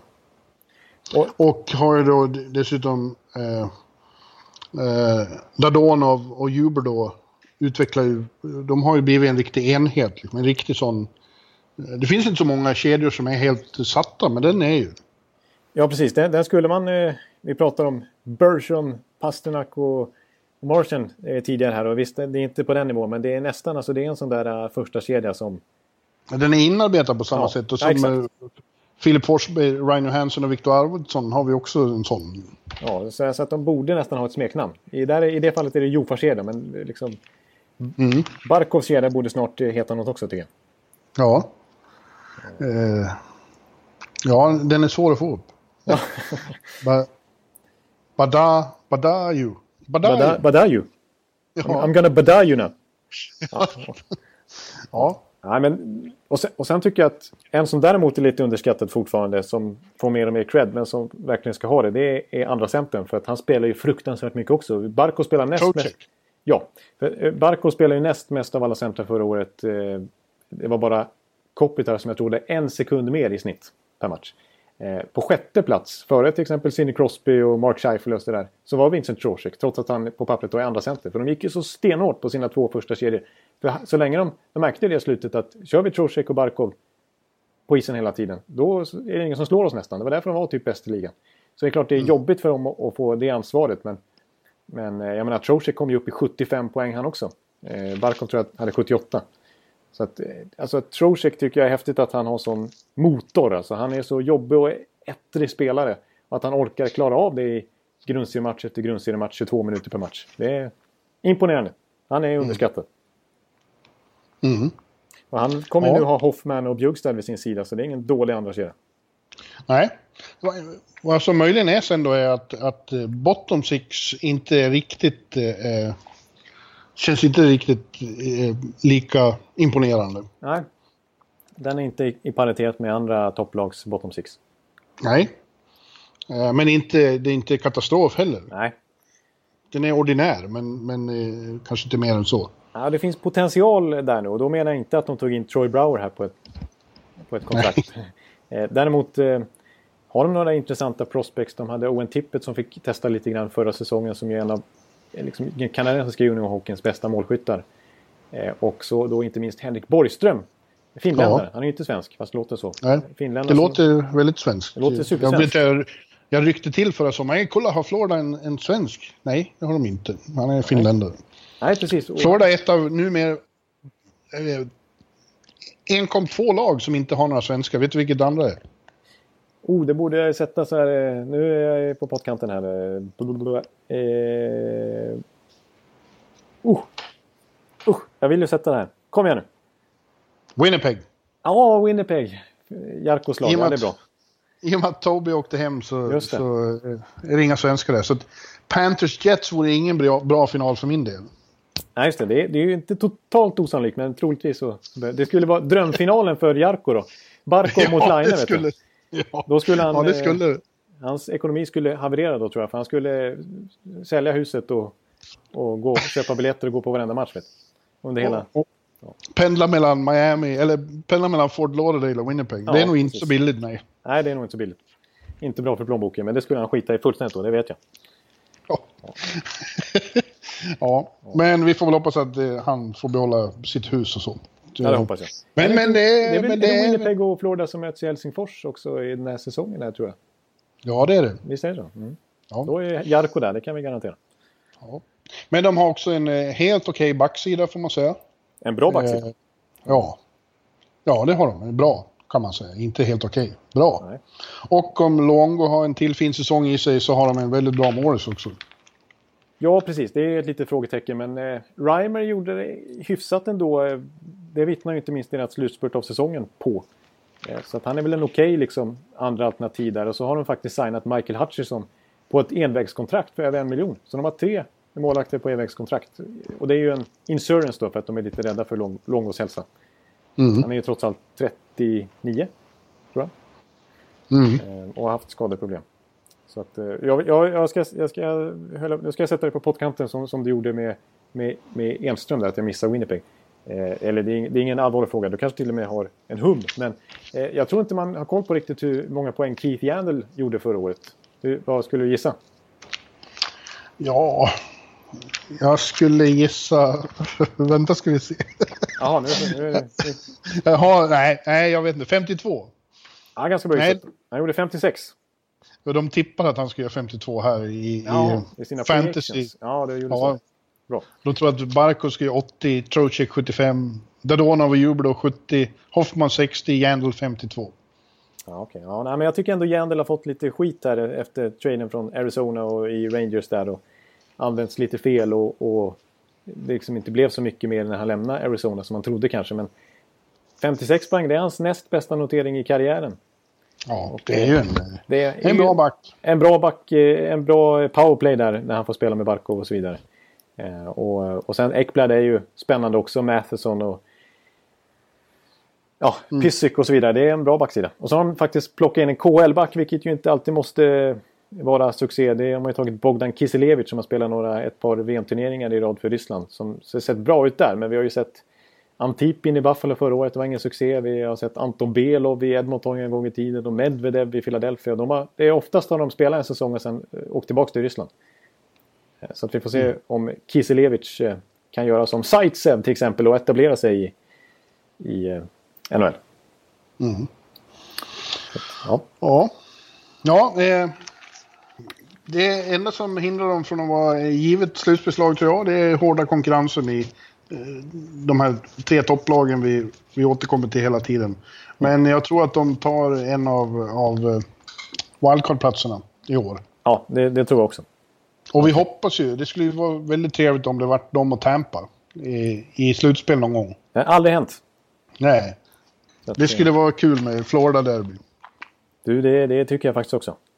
Det, det, ja, det har blivit lite, lite rivalitet nu med tanke på att Florida har gjort ett antal bra säsonger. Ja, och de, de står ju på, på, de står på tröskeln till något riktigt fint. Ja. Ändå känns det som. De är inte, på pappret är det inte riktigt Tampa-klass klass än. Eh, det är det inte. Men när, när, Men, han, när Bo, Bogner, det var nära, att han, eh, när, när han använder sitt lag så som han gör i, i, i, gjorde i slutet av säsongen, vilket kanske är lite riskabelt över en hel 82 matchers grundserie. Men när han toppar laget sådär, då är de fruktansvärt jobbiga att möta. Alltså. Mm. Eh, de är, de är bra. De har en enorm högsta nivå vill jag ändå säga, Florida. Ja, ja de är ett lag som det blir intressant att följa. Nästa år kanske vi sitter här och pratar om dem och har en ännu större respekt. Det är inte omöjligt. Ja, de kan vara ett sånt där lag som överraskar. Vi, vi, det blir aldrig riktigt som vi säger. Nej, det blir det, blir det såklart inte. Nej, vi kanske kommer få skämmas för våra Big Three. Att något av Big Three trampa igenom helt och hållet. Det kan vara så. Det kan vara så. Är det något vi lärde oss i fjol så är det väl att uh, vi vet ingenting. Nej, vi, no, vi, ingen, ingen vet någonting. Vi visste ingenting om Vegas, tvärtom. Nej. Vi snackade ner dem och vi trodde att New Jersey skulle vara slag på sig och att uh, Arizona skulle utmana om slutspelsplats. Ja, visst. Ja. Så att, uh, nej, det var ju helt fel. Ja, vi, det, vi får ju lägga in den brasklappen att vi är högst medvetna om att vad som helst faktiskt kan hända. Och att vi inte är tvärsäkra på någonting även om vi låter så. Nej, precis. Utan vi tittar i situationen just nu, vad vi vet och vad vi tror. Alltså utifrån ja. situationen just nu. Så, ja. ja. Och vad vi tror om nästa lag som heter Montreal Canadiens. Eh, vi tror inte så jättemycket på dem. Eller hur? Nej, det... Tyvärr. Nej, nej, precis. Alltså Montreal, det är ju... Där, där blåser inte positiva vindar som det gör i, i Buffalo till exempel. Utan... Nej, Montreal har hamnat i en väldigt tråkig limbo av något slag. Ja. Eh, där eh, det går åt fel håll helt enkelt. Ja, om man, om man kan peka på Ken Holland i Detroit så kan man ju lika väl peka på Bergevin faktiskt i, i Montreal så som han har agerat de senaste åren. Eh, ja, förra åren har vi haft mycket gott att säga om honom och hans förmåga att ta in, göra små förändringar som har betytt mycket. Ja, han började men, ju sin tid i Montreal på ett eh, sätt som gjorde honom lite creddig. Ja, men nu är, det, nu är det snarare tvärtom att han gör stora saker som försämrar laget. Ja, exakt. Precis raka motsatsen. Ja. ja. Alldeles för ofta. Det känns som att han tappar, eh, tappar bort deras bästa spelare hela tiden utan att få så särskilt mycket tillbaks. Nej, och liksom och i det, nu som i det här fallet just nu så, så hamnar han i liksom en helt onödig konflikt med, ja, med ja, spelare. Vi, ja, nu pratar vi om Max Pacioretty som är det stora orosmolnet som hänger över Canadiens då. Ja. Eh, att han inte har, eh, ja han blir utförd till sommaren då. Mm. Eh, och det förekommer inte ens förhandlingar. Nej, precis. Och det är ändå deras lagkapten. Eh, vi pratar om att Berglund har spelat ett decennium i St. Louis. Och det är ju samma sak med, med Pacioretty. Han är också 88, precis som Bulan. Eh, och bor där på somrarna. Han har verkligen tagit till sig Han är född 88, han är inte 88. Nej, nej, precis. Det hade varit... Eh, då kan jag förstå om Bergevin hade försökt bli av med honom. ja. Det hade varit på tiden. Men han är född 88. Eh, helt rätt. Eh, och eh, han vill ju... Han är ju kapten liksom. Ja. Och räknar man de senaste fem åren så tror jag att han är en topp fem målskytt i hela NHL faktiskt. Så stabil han Han hade en down-säsong i fjol men dessförinnan hade han fyra raka säsonger med över 30 mål. Eh, och nu förhandlar man knappt med honom utan man försöker Ja, man, man behandlar honom ganska illa eh, dessutom. Alltså, till exempel man vid deadline, eller vid, deadline, vid, vid draften ska jag säga, försökte trada bort honom till Los Angeles Kings. Och hade en deal klar och sen kom och sa till henne att ja, vi är klara med Kings. Du, du, du ska bara förhandla fram ett kontrakt och så är det klart. Ja, eh, skriv på här, ungefär. Eh, för att förlänga då med, med Kings direkt. Och, och, det var ju, han ville ju ha mer än 6 miljoner för sex år som jag tror budet var från Kings. Eh, mm. Annars skulle de ta Kowalczyk istället. Eh, och eh, det vill ju absolut inte Pacioretty gå med på. Han som har varit lite underbetald inom situationstecken här senaste kontraktet. Han ligger bara på 4,5 nu. Eh, vilket ju är väldigt lite sett till de här prestationerna jag just nämnde. Eh, 30 målsäsongerna. Eh, så att eh, han sparkade ju sin, sin agent direkt och blev ju ännu surare på Bergevin och ledningen där att de, att de försökte få igenom det där med Kings. Mm. Eh, och ja, nu var det ju stelt här under sommaren när, när, han inte visste om han skulle vara kvar eller inte och till slut när han skulle anordna sin årliga golfturnering där. Eh, så ja, till slut så märkte han väl att eh, jag blir kvar här några veckor till så då kan jag väl köra den här golfturneringen och så får jag väl bjuda in Bergevin och Molson, ägaren och så vidare. Så får de komma hit och skaka hand och le och se glada ut. Och det, det var stelt på den där golfturneringen. Ja, och det känns som en väldigt onödig konflikt det här som ju blir en distraktion. Det vet vi att det, det lätt blir. Eh, det är ännu värre i Ottawa med Erik men, ja. men den här situationen är ju nästan lika illa. Ja, den här känns mer, känns mer ännu mer eh, själv... Självförvållad, för, Självförvållad ja, av klubbledningen. Ja. Ja. De hade, de hade ja. inte behövt agera så här. De hade kunnat vara mycket schysstare mot sitt lagkapten än vad de har ja. varit. Och dessutom är det Montreal med en, en, en hysterisk uh, anda redan från början. Som allting som händer där förstärks ju ännu mer och inte minst av media då som är uh, hugger på allting där. Ja. Det, det, räcker med en snedblick någonstans i omklädningsrummet som någon har uppfattat så, så blir det krigsrubriker. Och det här har ju liksom blivit en, en, en, en, en medial följetong som, som eh, sänker stämningen i och runt laget oavbrutet. Ja. ja, exakt. Och man kan ju bara tänka sig om den här soppan då ska fortsätta in i säsongen. med den reporterhord som kliver in efter varenda träning och match i det omklädningsrummet. Ja. Det kommer ju påverka stämningen i laget ganska kraftigt när, när kaptenen har den här typen av kaos kring sig. Ja. Så, eh, ja. Och ja, Bergevin blir så sågad i media där uppe så det är ju, eh, man, man eh, sitter ibland öppen mun och läser. Häromdagen var det någon krönikör som skrev att han har problem med eh, stora talanger för att han själv var en så begränsad talang. Ja, det, är... det, är att dra det, det är att dra det en konspiration ganska långt också. Att, att han lever ut någon slags komplex eh, mot bättre spelare. Det, det låter lite farfetched. Ja, att han skulle... Ja, precis. Ja, ja. Men han har ju slarvat bort några stycken. Subban eh, och... Eh, Galchenyuk. Ja, Sergachev. Nu, nu är ju eh, Galchenyuk borta också. Han tradades till Arizona och utbytte mot Max Domi. Som ju inte är skit, men inte riktigt lika bra. Nej, inte riktigt samma högsta nivå. Jag menar, Galchenyuk har ju ändå en 30-målssäsong säsong redan i, i kroppen och, och, är ju en center medan Domi är ytter. Och det är ju den där centersidan som fortfarande är ett sänke för dem. Ja, eh, Att de inte har den där klara första center. Jag menar, Drouin har ju, får, får förmodligen vara det den här säsongen också. Visst, Drouin vill ju gärna spela center men han är ju inte någon... Han är ju bättre som ytter.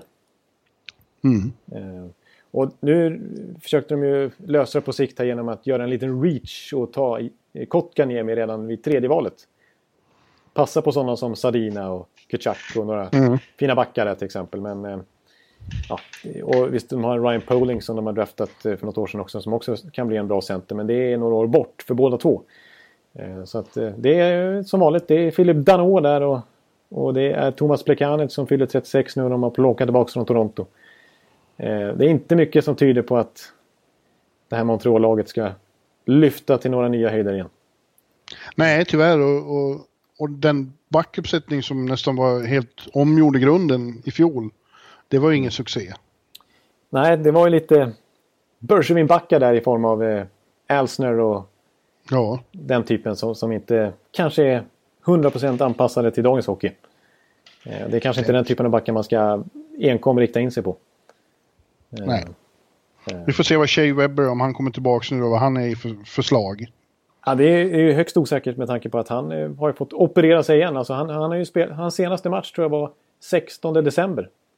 Ja. Eh, och nu var han ju tvungen att operera knät tror jag igen här under sommaren. Och kommer förmodligen inte spela på hela 2018. Så när han gör comeback så har inte han spelat på över ett år. Nej. Frågan är vilken form han är i då. Ja. Ja, han är ju Ja, det är bekymmersamt. Tråkigt ja. Eh, också med tanke på vilken klassisk klubb och vilken marknad det är och vilken arena de spelar i. Men eh, och, eh, väldigt svårt att se att de ska utmana om något, något slutspel i år. Nej, för det, de känns inte bättre. Vi får se. Carey Price, han, faktum är att han var ju så bra så sent som för två år sedan att de gick till... Eh, de vann ju divisionen 16-17 säsongen. Det är sjukt, mm. men det gjorde de faktiskt. Och eh, då var Care Price bra men, men eh, sen åkte han på en till sån här tung skadefylld säsong i fjol och var ju inte bra när han väl spelade. Att han var väl inte riktigt kurant helt enkelt. Eh, så att, och hans nya åttaårskontrakt det börjar kicka in, som de skrev förra året, det börjar kicka in nu. För en 31-årig Care Price med en väldigt skadefylld säsong bakom sig. Mm. 10 Men det är, visst, visst, är han i, i, spelar han på toppen av sin förmåga då hjälper han ju Eh, det är många poäng eh, ja. som han fixar åt laget då. Ja. Men tillräckligt många för att det ska för att de ska ta sig förbi Florida upp på någon eh, wildcard. Det känns inte så sannolikt. Nej, med den backsidan alltså och, och den eh, ganska tunna forwardsidan också. Det, de har några, som sagt några spännande talanger också utöver de här jag nämnde som är långa projekt som Paling och Poling och, och Kotkaniemi. Men och ja, de har Sherbak och de här som kommer upp och eh, Charles Hudon som jag gillar. Men eh, nej, det kommer inte räcka. Matthew Peck, nej det, det räcker inte för Montreal. Det nej, blir eh, botten fem skulle jag säga i hela NHL.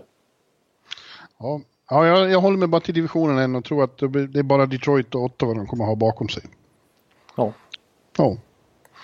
Eh, ja. Så är med det. Det är inget jag säger med någon glädje. Det är tråkigt, men... Så är det. Så är det. Ja. Yes. Ja, och då nämnde vi nästa lag redan där då. Och det är Ottawa Senators. Eh, en, eh, ett sorgligt kapitel i NHL nu för tiden. Det är helt obegripligt att tänka sig att de så sent som säsongen 16-17 var ett mål från Stanley Cup-finalen. Ett övertidsmål. Det svänger så otroligt fort i den här ligan. Vi sa just att, att Montreal den säsongen vann divisionen. Och, ja. och, och de var alltså, Ottawa var alltså i konferensfinal och ett mål från Stanley Cup-final. Alltså det, det är det som är kul med NHL. Ja, det är det. Att vi, vi vet inte riktigt vad som kommer hända här om två år till exempel. Vad, vad ligan står då. Det... Nej, men vad man vet är att vad som följde i fjol var en, en, en enda stor jävla cirkus i kanadensiska huvudstaden. Men det ena, ena spektaklet avlöste det andra. Eh, ja. Och eh, beklämmande att se. Tråkigt som fan att behöva bevittna. Ja. För det känns som det bara är ruiner kvar av det lag som var på väg till final då. Exakt, och, och stämningen är ju helt körd i botten. Liksom. Det, ja. Det, det, det känns som att liksom ingen riktigt tror på det nu heller. Det finns ingen geist. Det är varken fansen, ägaren, tränarna, general managern. Typ.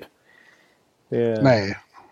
Nej, de har sämsta ägaren i ligan. Det har de ju. De, har, de har en general manager som det är synd om eftersom han måste rapportera till den här ägaren. Ja. Eh, men inte, inte sköter sina kort på närmelsevis på ett acceptabelt sätt heller.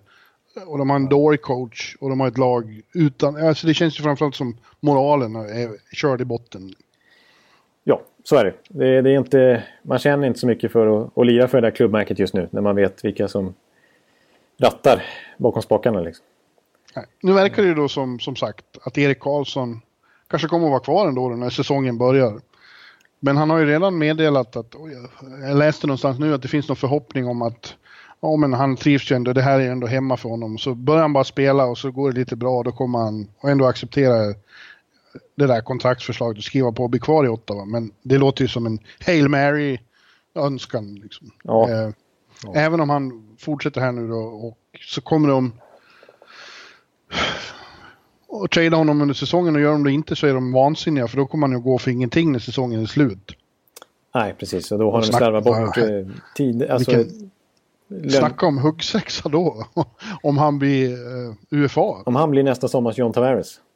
Då kommer varenda klubb och, och, och gör vad som helst för att få honom. Ja, alltså den... Eh, när han ska åka till Los Angeles och bjuda in lite klubbar då, vet du, då, då kommer de få kämpa för att, att vinna det, den dragkampen alltså. Ja.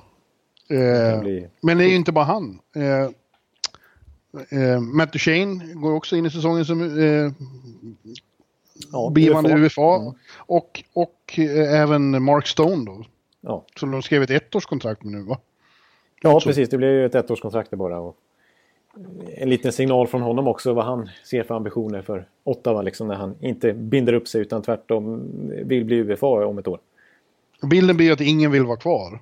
Nej. Och tar man bort de tre, vad har vi kvar då? Då har vi ju ingenting kvar. Nej, speciellt inte med tanke på att de tradar bort en Derek Brassard till exempel vid deadline och en sån som Ryan Dzingel som ändå gjorde en 23 mål förra året också är UFA. Och sen ja. målvakt som inte vill vara där. Eh, nej, det är klart de har, det, det, enda positiva är väl att de har några prospects. De har en Thomas Chabot som, som är en jättespännande offensiv backtalang som kommer få stora chanser den här säsongen. Speciellt om Erik Karlsson försvinner, då blir han ju i princip första back. Eh, I alla fall i powerplay. Och eh, en Brady Kachuk som har hoppat av college nu och ska spela med Ottawa direkt. Eh, han är ju lite spännande också att se. Men, men annars är det ju ingenting. Det är en Jean-Gabriel Pajot som kliver in som första center typ. Ja. Ja. Jo, allt det här, de här små positiva glimtarna du försöker hitta här, det, det blir ingenting som betyder något i år ändå. Nej, det är en uh, Logan Brown eller de här, uh, vad de har, uh, mer talanger. Det, det, det, det, hjälper ju inte i år. Utan det, det, vad, vad än den här kalkylatorn på The Athletic säger så, så är väl Ottawa det sämsta laget. Ja. ja, med tanke på stämningen kring laget också. Definitivt. Och, och, är inte det allra värsta, du kan det här bättre än jag, men om de nu kommer så sist som vi tror och vinner draftlotteriet, då har de lika fullt trada bort sitt första val. Ja, det är det som är så otroligt sjukt.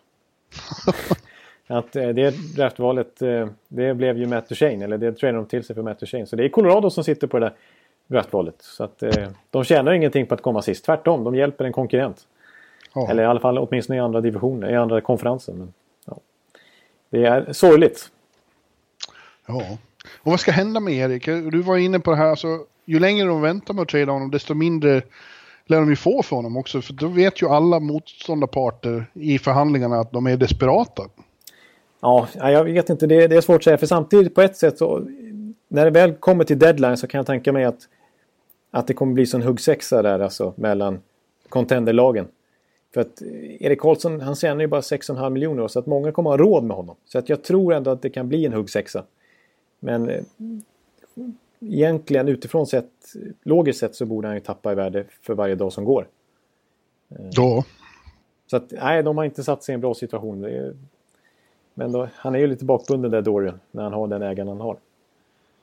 Ja, Får man säga. Han är, ja, ja, han har det. Ja.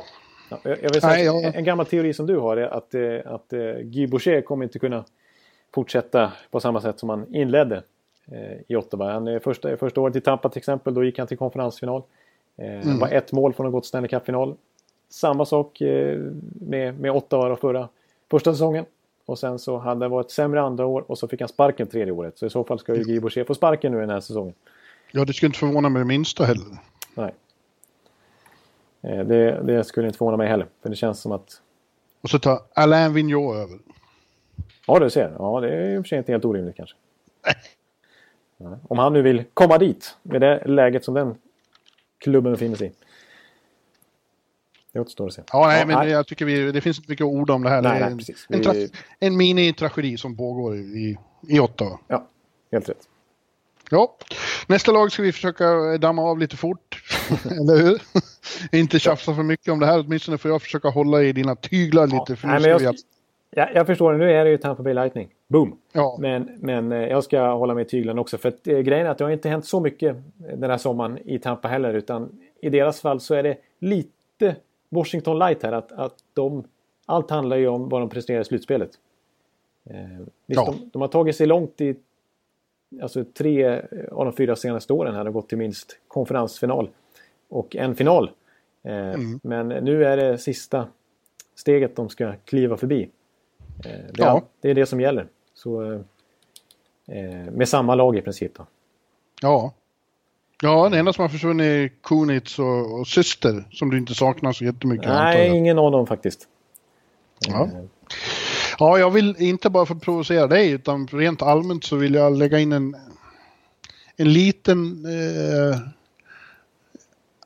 jag vänder mig lite mot det är så många som, som tror att eh, det är självklart att de kommer att vara ett topplag igen. Mm, mm, det borde nej. de vara, sett till på pappret, men om man ser vad som hände i slutspelet senast.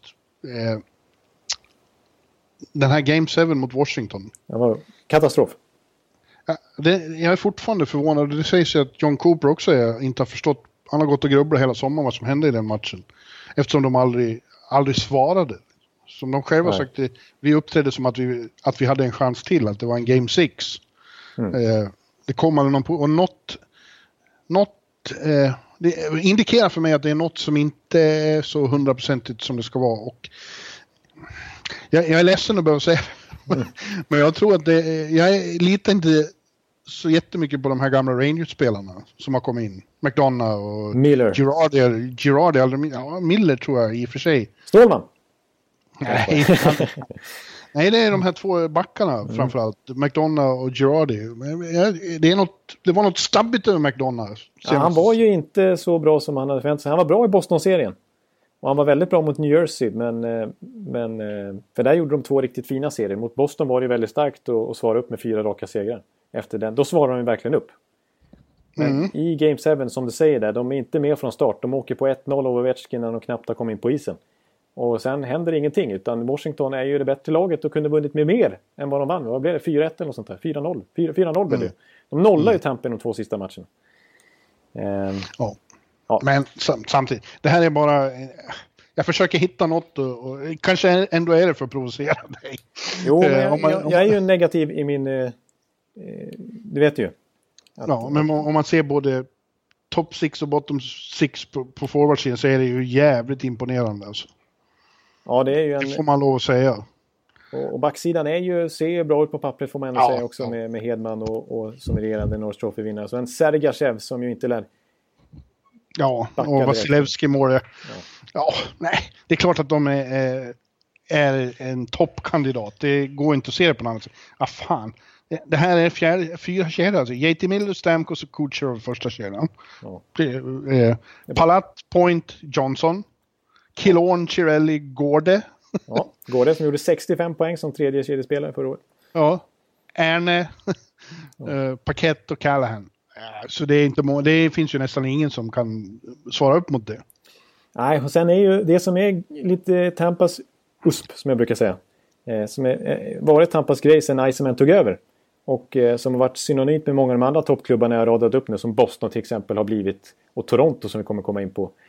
Och några andra klubbar också där i toppen. är att man har en organisation. Då har man djup och då ser man till att omgärda sina bästa spelare med nya talanger som kommer upp hela tiden. Eh, och Tampa är ju faktiskt det lag sen 2011 ungefär när Iceman tog över som har fostrat flest NHL-spelare. Faktiskt. Ja. ja. Eh, för att helt plötsligt kommer upp en eh, Braden Point från tredje rundan och en André Palat från sjunde rundan och en Tyler Johnson som odraftad och Nikita Kucherov från sent i andra rundan till exempel. Så det, och nu inför den här campen så är man som Tampa-supporter väldigt spänd på vilka som ska ta chansen. För att det finns fler, eh, inte kanske riktigt lika stora talanger, men på gång. Alltså en Cirelli som etablerade sig i slutspelet förra året och så en Matthew Joseph till exempel. Och de hade ju till och med råd att skicka några till Rangers i den här McDonald-dealen för att de har så pass många ganska ja, jag, skulle, jag hade just tänkt att fråga dig vilka, vilka som kommer att ta plats i år då. Cal Foot, kommer han att... Cal Foot, det är ju alltså Anna Foots son. Eh, som kommer eh, åtminstone spela AHL. Eh, han kommer inte åka tillbaka till juniorligan utan han är ju åldern inne nu. Så han blir spännande att följa. Eh, och, jag, jag, är framförallt sugen på, på Matthew Joseph som jag tycker är, är snabb som bara den. En, eh, nej, han, han tror jag kommer bli en, en rätt hyfsad NHL-spelare. En sån här komplementspelare eh, som mm. topplag behöver. Mm. Eh, så han tror jag kommer ta en plats faktiskt, det var Lee den här säsongen. Ja. Ja. Ja. Så att, eh, nej, det, det, det, men sen som du sa också det här med att, vilket jag har dåliga minnen av för två år sedan när de, när de eh, missade slutspel, Tampa. Mitt i den här framgångsvågen när de har varit i alltså, minst konferensfinal tre av de fyra senaste åren så har de en jätteplump där när de missade slutspel. Ja. Det var ju visserligen Stamkos skadad då, hela året i princip. Men då började de ju säsongen så otroligt dåligt. De, de, det var ju samma inställning då, att allt handlar om vad vi presterar i slutspelet. Så de tog ju inte i ordentligt. Och då blev det ju som vi har pratat om. Får man en dålig start, mm. då kan man förlora hela säsongen. Ja. Och det var det som hände. Å andra sidan förra året var de så in i helvete bra i början. Ja, just det. det var ju du, så var det ju faktiskt.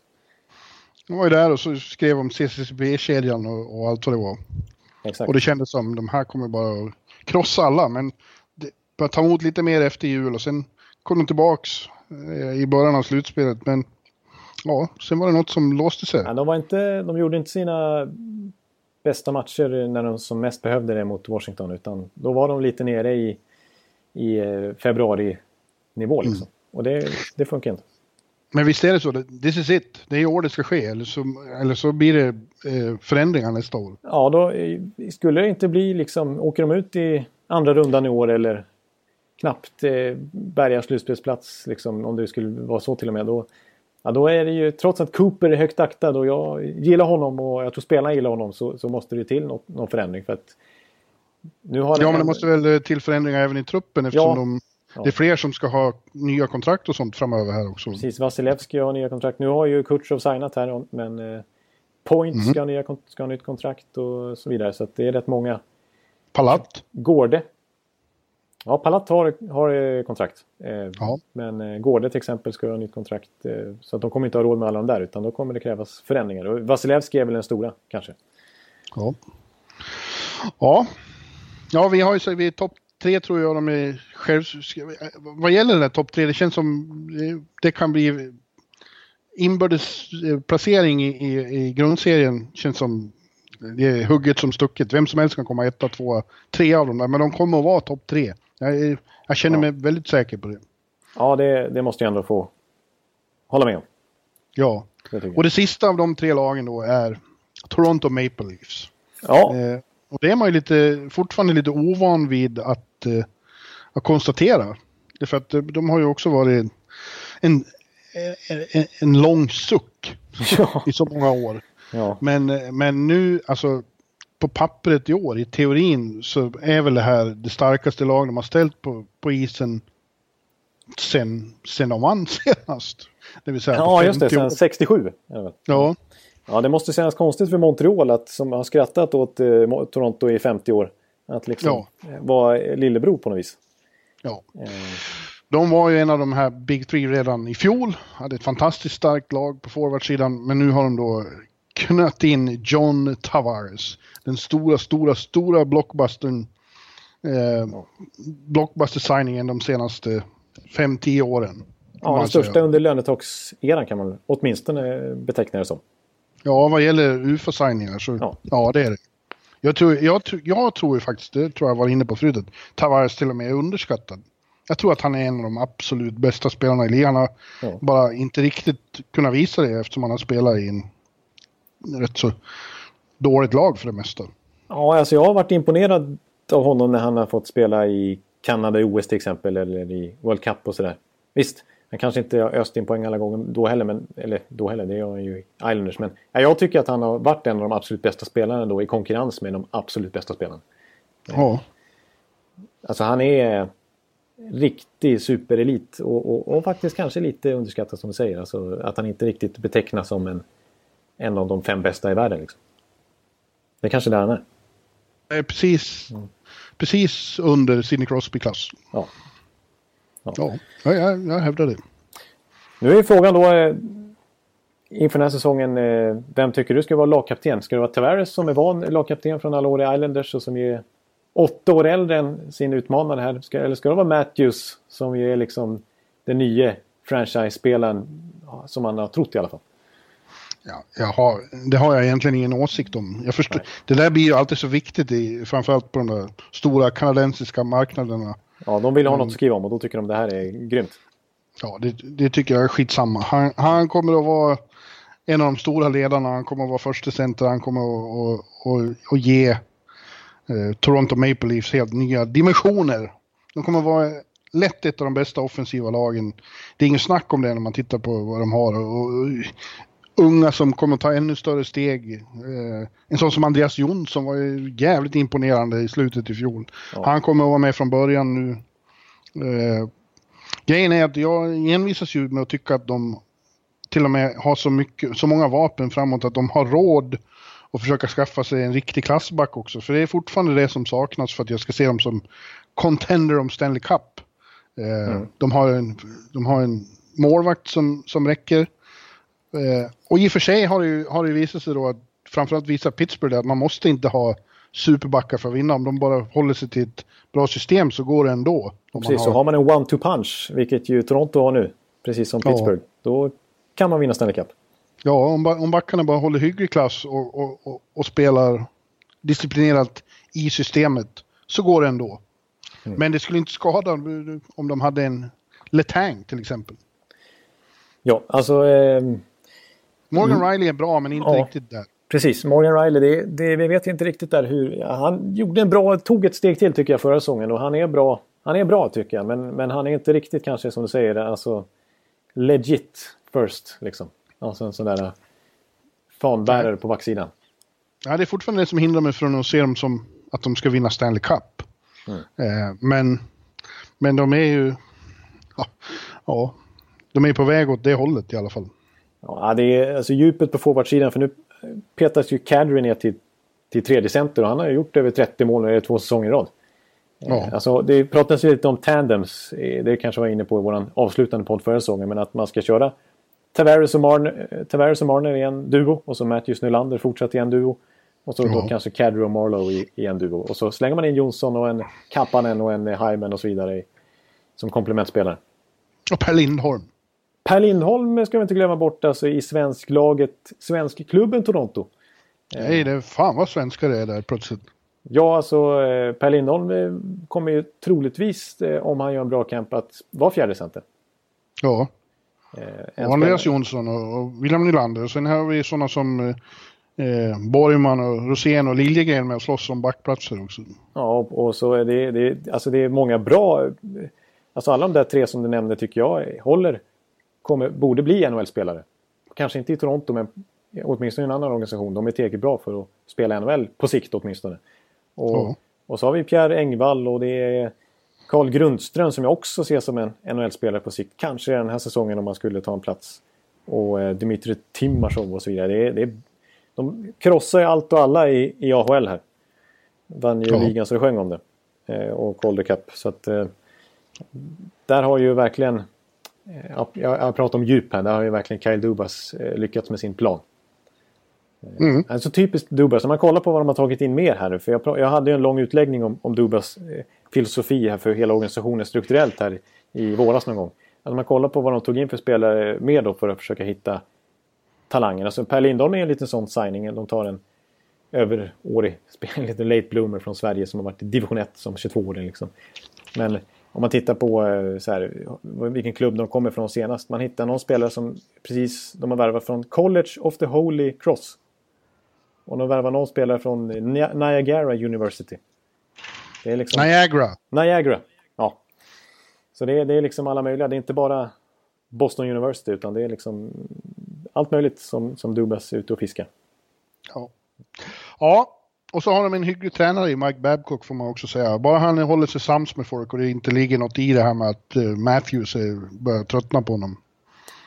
Nej, Ja, jag tror också att det, allt det där är lite uppskruvat faktiskt. Ja, att det, är det, blir, media. Ja. det blir gärna det i Toronto. Ja, men eh, ja, det måste vara roligare än på otroligt länge att vara Toronto-fan.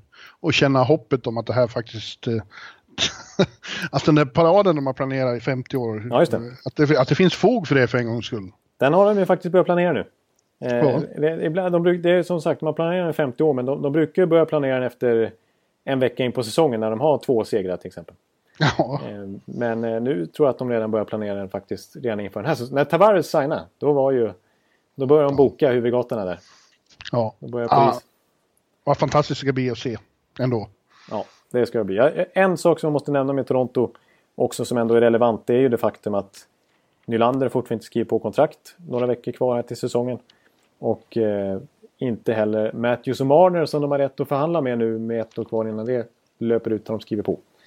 Eh, och eh, det är lite speciellt med tanke på att många andra klubbar har signat upp sina största talanger så snabbt som möjligt. Om vi ser en Jack Eichel som skrev på ett år i förväg och, och Conor McDavid långt i förväg. Mm. Men, och det, de vill ju ha betalt de här killarna. Matthews vill ju ha minst, han vill ju ha Tavares pengar redan nu. Och Marner tycker, där ryktas det om att han tycker inte att han är så mycket sämre än Matthews så han ska också ha rejält betalt. Och, och Nylander har ju haft ända sedan 1 juli 2017 på sig att förhandla ett nytt kontrakt och fortfarande inte gjort det. Eh, men jag tror så här att jag, jag tror att, att Kyle Dubas för Torontos skull här ändå eh, gör rätt i att vara så här, eh, spela sån hardball mot sina unga spelare. För att om man har sett jag, jag, tror inte det förstör relationen så mycket mellan de parterna så länge de behåller det respektfullt. För kollar man på andra talanger som har försökt göra det. Att, eh, att, att vänta ut så länge som möjligt och visa att man är stark. Liksom, så har det inte gett så mycket. Vi ser på en... en eh, nu tar jag ett svenskt exempel. Till exempel Raquel som väntar in... Eh, han skrev på sitt mm. kontrakt den 14 oktober. Det var ju en vecka in i säsongen. Och så fick han till slut 3,75 miljoner fram till 2022. Han är värd det dubbla redan nu. Mm. En Nikita Kutjerov som också signade en vecka in i säsongen med Tampa. Och fick 4,75 och har fortfarande ett år kvar på det kontraktet trots att han gjorde 100 poäng förra säsongen. Och eh, en eh, David Pasternak som, som väntade, eh, väntade länge också förra året och till slut skrev på för 6,75. Vilket ju, han är mer redan nu är han mer värd än så skulle jag säga. värd mer! Värd mer, ja du ser. så att jag tror inte att Nylander kommer bli vinnaren om det fortsätter att dra ut så här länge. Jag tror att han kanske får nöja sig. För jag tror att spelaren blir mer desperat på att få spela än klubben förlorar på, eh, på det. Ja. Mm. ja, ja. En lång utläggning. Ja, det var det. Av helt meningslös sort. Nej, det är spännande. Det är viktigt vet du, för, för Toronto här nu att sätta Ja, de här kontrakten så bra som möjligt om det ska lösa sig på sikt. Ja. Men vi kan konstatera igen att det måste vara roligt att vara Maple Leafs-fan i år. Ja, det har aldrig, aldrig nog varit roligare på ett halvt sekel åtminstone. Nej. Ja, därmed är vi klara med vår första divisionspreview. Ja, den blev lång. Det känner jag. Men eh, man känner sig lite ringrostig. Man är inte riktigt inne i säsongen än och det är väl naturligt. Men Nej. det, det kommer att bli bättre och bättre. Vi är tillbaka nästa vecka med Metropolitan. Ja, det ska bli kul också. Det är en spännande division. Den känns eh, också svårtippad. Ja, det gör den. Det är lite gör som. Pacific. Den är också... eh, Vart har man eh, Columbus och Philadelphia och Carolina? Och sådär. Ja. Vad- Till nästa gång eller eh, senare under vår preview här så har jag 20 frågor åt dig. 20 Eh, frågor. Ja, alltså jag ser, det är från eh, Hockey News Fantasy Guide. Så Okej. har de en panel då, där eh, sådana som Ken Campbell och, och Ryan Kennedy och ytterligare några svarar på 20 frågor. Eh, Okej. Om den här säsongen. Den är ju eh, kring fantasy då, men du kan få höra frågorna så får du fundera på dem. Okej, ja. How many points for Conor McDavid eh, 18-19? Who wins the Rocket Richard Trophy as NHL's leading goalscorer? Vem vinner Calder Trophy? Oj. Vem är din uh, första målvakt i, i en fantasy League? Vill du höra hur de har svarat också? Ja, du kan ta något exempel. Ja, eh, eh, här tror de att eh, Ken Campbell tror att eh, eh, Conor McDavid gör 116 poäng. Oj. Eh, Brian, eh, Sam McCaig, features editor, har högst på 122. Oj, det var rejält. Vem eh, gör mer poäng? Sidney Crosby eller Nathan McKinnon? Vem gör flest poäng? Taylor Hall eller Tyler Se- Seguin? Eh, vem eh, kommer upp i flest poäng? Nikita Kucherov eller Steven Stamkos? Vad säger du där? Oh, den är svår. Jag säger Kutjerov. Han är bättre. Han är bättre. Poäng, alltså inte mål. Nej, men han är bättre. Ja, men vi pratar poäng, inte mål. Ja, men det är fortfarande Kutjerov. Mm. Who's your sleeper pick this season? Ja, där har vi förslagen James Neal, Elias Lindholm, Jaden Swartz, Elias Lindholm, Pierre-Luc Dubois och Sam Reinhardt. Din, Mhm. och who's your bust pick this season? Uh, Sam Anse Reinhardt. Riley Smith, Jonathan Marchessault, James Neal, William Karlsson, William Karlsson. Oj, oj, Oj oj. då. Jaha. Ja. Uh, uh, which uh, 17-18 playoff team is most likely to miss the postseason 18-19? Då har vi förslagen Los Angeles, New Jersey, New Jersey, Colorado, Los Angeles, Colorado. Ja, det var ganska entonigt. Det var, det var Ja. samstämmigt. Mm. Tror du, tror du, ja, det är olika svar från olika människor det här. Ja, ja, nej, men, Ja. eh, ja, jag håller med om ganska rimligt. Mm. Hur kommer det att gå för Vegas den här säsongen? Losing second round, miss the playoffs, losing first round, losing first round, losing second round, losing first round. Det ser man. Ja, ja. Eh, vilket lag kommer ha better bounce back year? Dallas or St. Louis? De flesta tror St. Louis. eh, jag tror Dallas. ja, det är en svår också för att eh, St. Louis har gjort några fina värvningar men Dallas har ju en ruggig potential i det laget. Ja. Sen har vi då uh, Battle of Alberta. Vilken, kommer, vilken vinner det? Calgary eller Edmonton? De, nästan alla tror Calgary då. De har en väldig övertro på Calgary. På, Ja, där har, har ju vi en liten personlig beef. Om vilka Ja, det som är bäst. vi- Ja, det ska vi alltid reda ut sen. Ja. Eh, vad har vi sen? Eh, vilka är de tre bottom three teams? 18-19.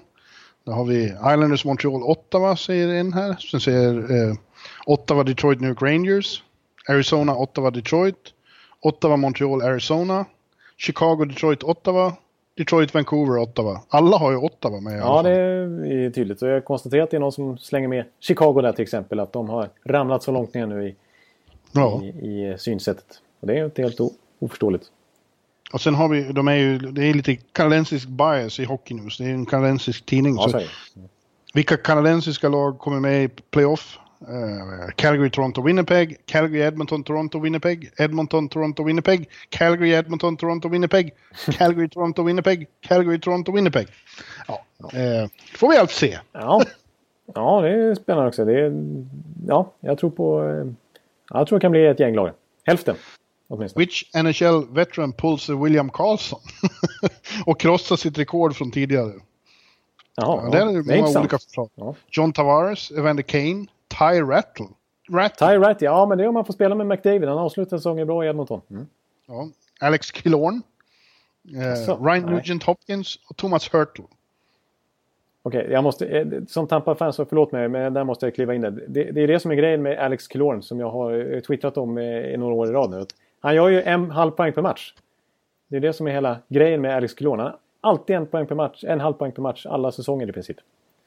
Ja. Men nu ska han krossa sitt Nu ska han rekord krossa enligt, plötsligt. Det är ju sjukt. enligt Ryan Kennedy. Ja, du ser. Ja. Mm.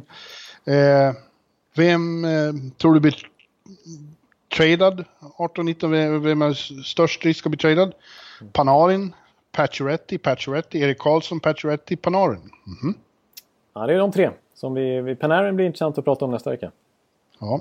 Which starting goalie won't be his team number one netminder by the end of the season? Det är en intressant Ja, fråga. det är en intressant fråga. Ja. Olika förslag. Valamov, Jimmy Howard, Jake Allen, Scott Darling, Jakob Markström, Craig Anderson. Alla har olika. ja, det var ju en väldig variation. Ja. Vem är första coach att få sparken? Randy Carlyle, Dave, Hox Dave Hoxtall, Guy, Guy Boucher, Todd McClellan, Jeff Blashill, Jeff Blashill. Wow. Ja, jag tyckte det var bra förslag allihop faktiskt. Ja, det Jag tror jag. Tanken. tror jag är dags Ja, att sparka. precis. Det är dags eh, känns inte så spännande i år. Faktiskt. Ja. Och who beats whom in the 2019 Stanley Cup Final? Alla tror jag att Winnipeg slår Tampa Bay. Utom eh, Brian Costello som tror att Tampa slår Winnipeg. Bra. Och Ken Campbell som tror att Winnipeg slår Washington. Ja, okej. Ja. Ja, Winnipeg eh, Bias är plötsligt uppe i Kanada nu va? ja verkligen. De, de, eh, de, eh, tar den där slutspelssegern mot Nashville som inteckning för att de är Det är klart. Ja, och då bortser de ju då kanske från att de faktiskt har blivit av med Paul Stastny som var pusselbiten som gjorde dem till riktig contender. Ja, för det är en uppgradering jämfört med Brian Little nu som återgår till, till den rollen. Mm. Men detta ska vi återkomma om. Ja. Det är Central-divisionen. Det är två veckor bort. Det var roliga frågor, var det inte? Ja, det tycker jag. Det, tycker jag.